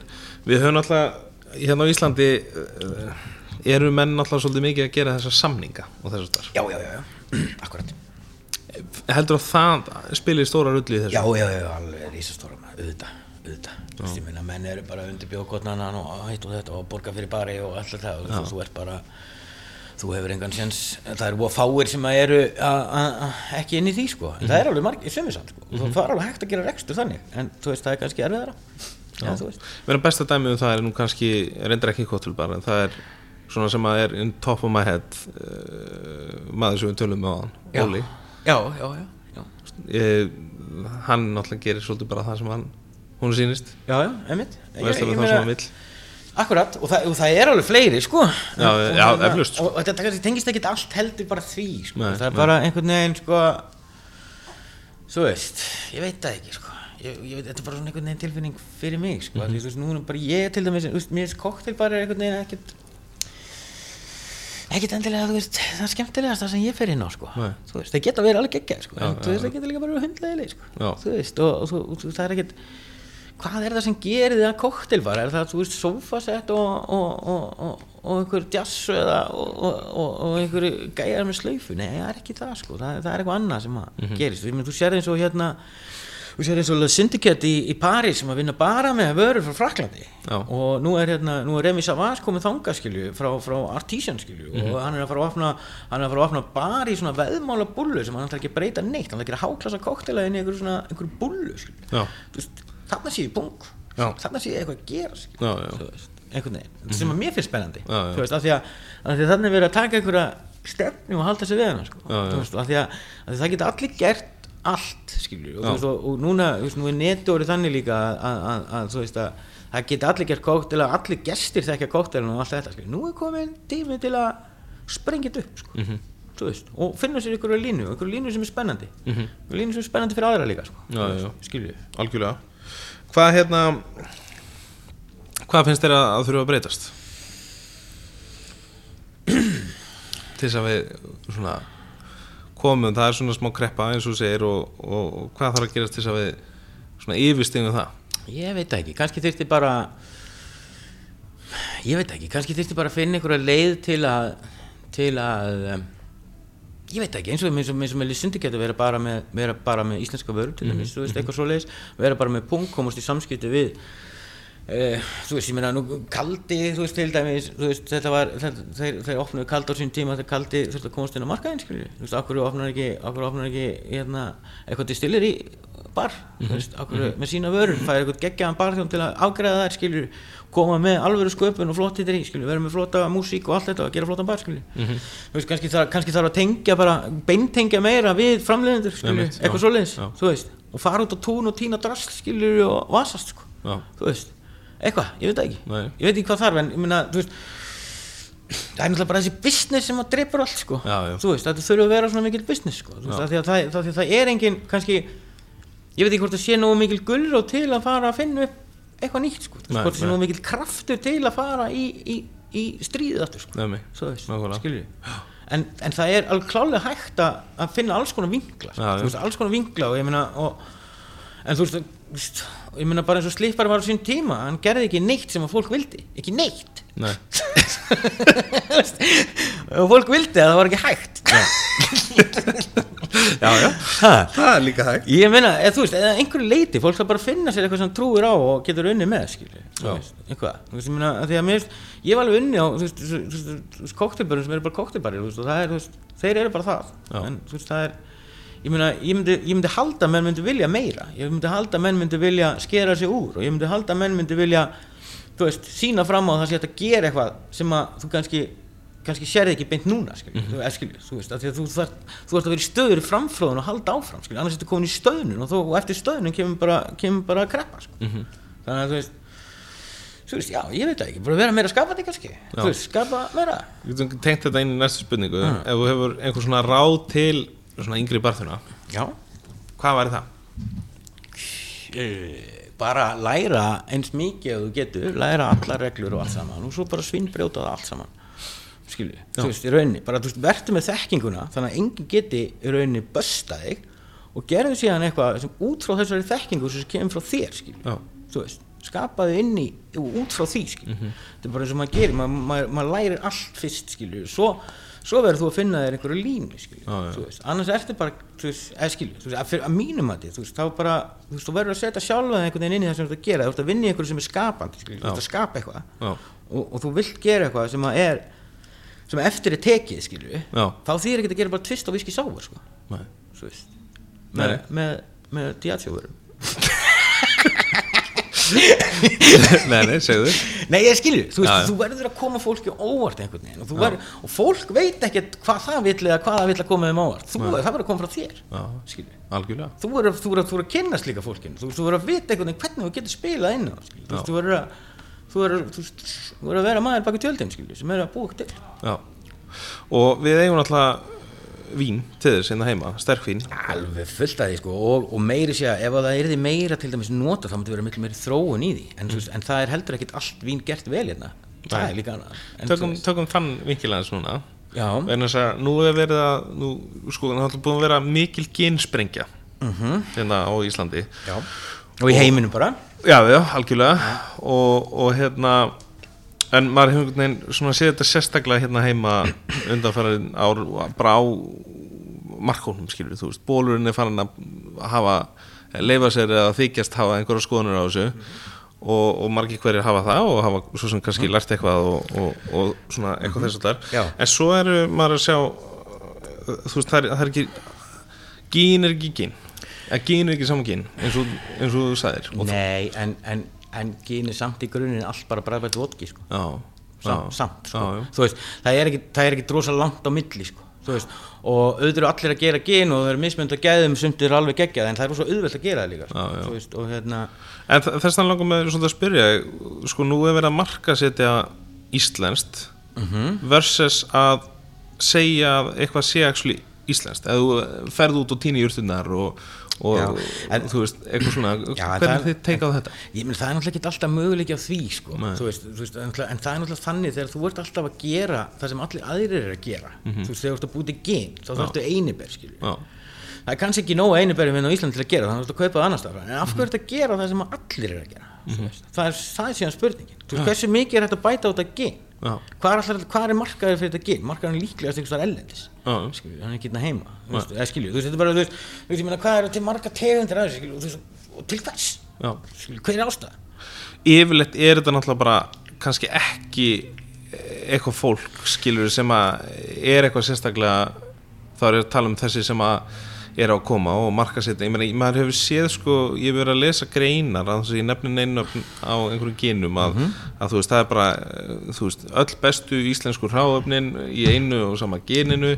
Þá erum við bara aftur komin í þennan bransa. Mm -hmm. þú veist, mikið af þessu lígi sko. Já, ég er að segja það, það og svo kemur þannig. runan þú veist, það er blóðapli sína Já, og, já, veist, þetta, er bara, þetta, er bara, þetta er bara fólk sem bara fer inn í þennan bransa sem að verðist bara verið í lægi að ljúa þannig að þú veist, það kemur ekkit óvart. Nei þetta er rosalega leiðilegt að sé ekki þú veist það er engin, við erum, ég meina frakkar eða, og, og þú veist þessi löndi kringum okkur eru með alls konar löggefur hvað mm -hmm. varðar svona hluti Já. það er náttúrulega ekki, ég, með, ég get þessna farið og, og einfjörðs og skósóla og Já, ég menn þetta er bara eins og Martin Miller skein skilju, þú veist íslensku vatni þú veist, já, eitthvað, já. Þú veist, já, já, jú, jú, eitthvað, þú veist, reyka, þú veist, jú, eitthvað fullbild tilbúin vara sem er reyndi gegnum eimingagræði hérna, skilju, eitthvað, þú veist, en þetta er bara þessi bransi, sko, já, þetta er bara þessi bransi, en ég meina, en ég meina, þú sér það líka bara, þú veist, eins og með bjórin, skilju, það er sem að þeir opna þetta á því að vera mikró, mikró, skilju, það kemur bara, þú veist, skilju, okkur, en, en, en það er kannski bara erfiðar ég veit ekki, ég, bara, veist, ég þóri ekki að fara með það. Ég held að vanti kannski mest megnis vanta bara einhvern sem segir eitthvað, eða vinnur með þetta en ekki hitt, í Já, staðan fyrir að eiga allt einhvern veginn og eitthvað svona Já.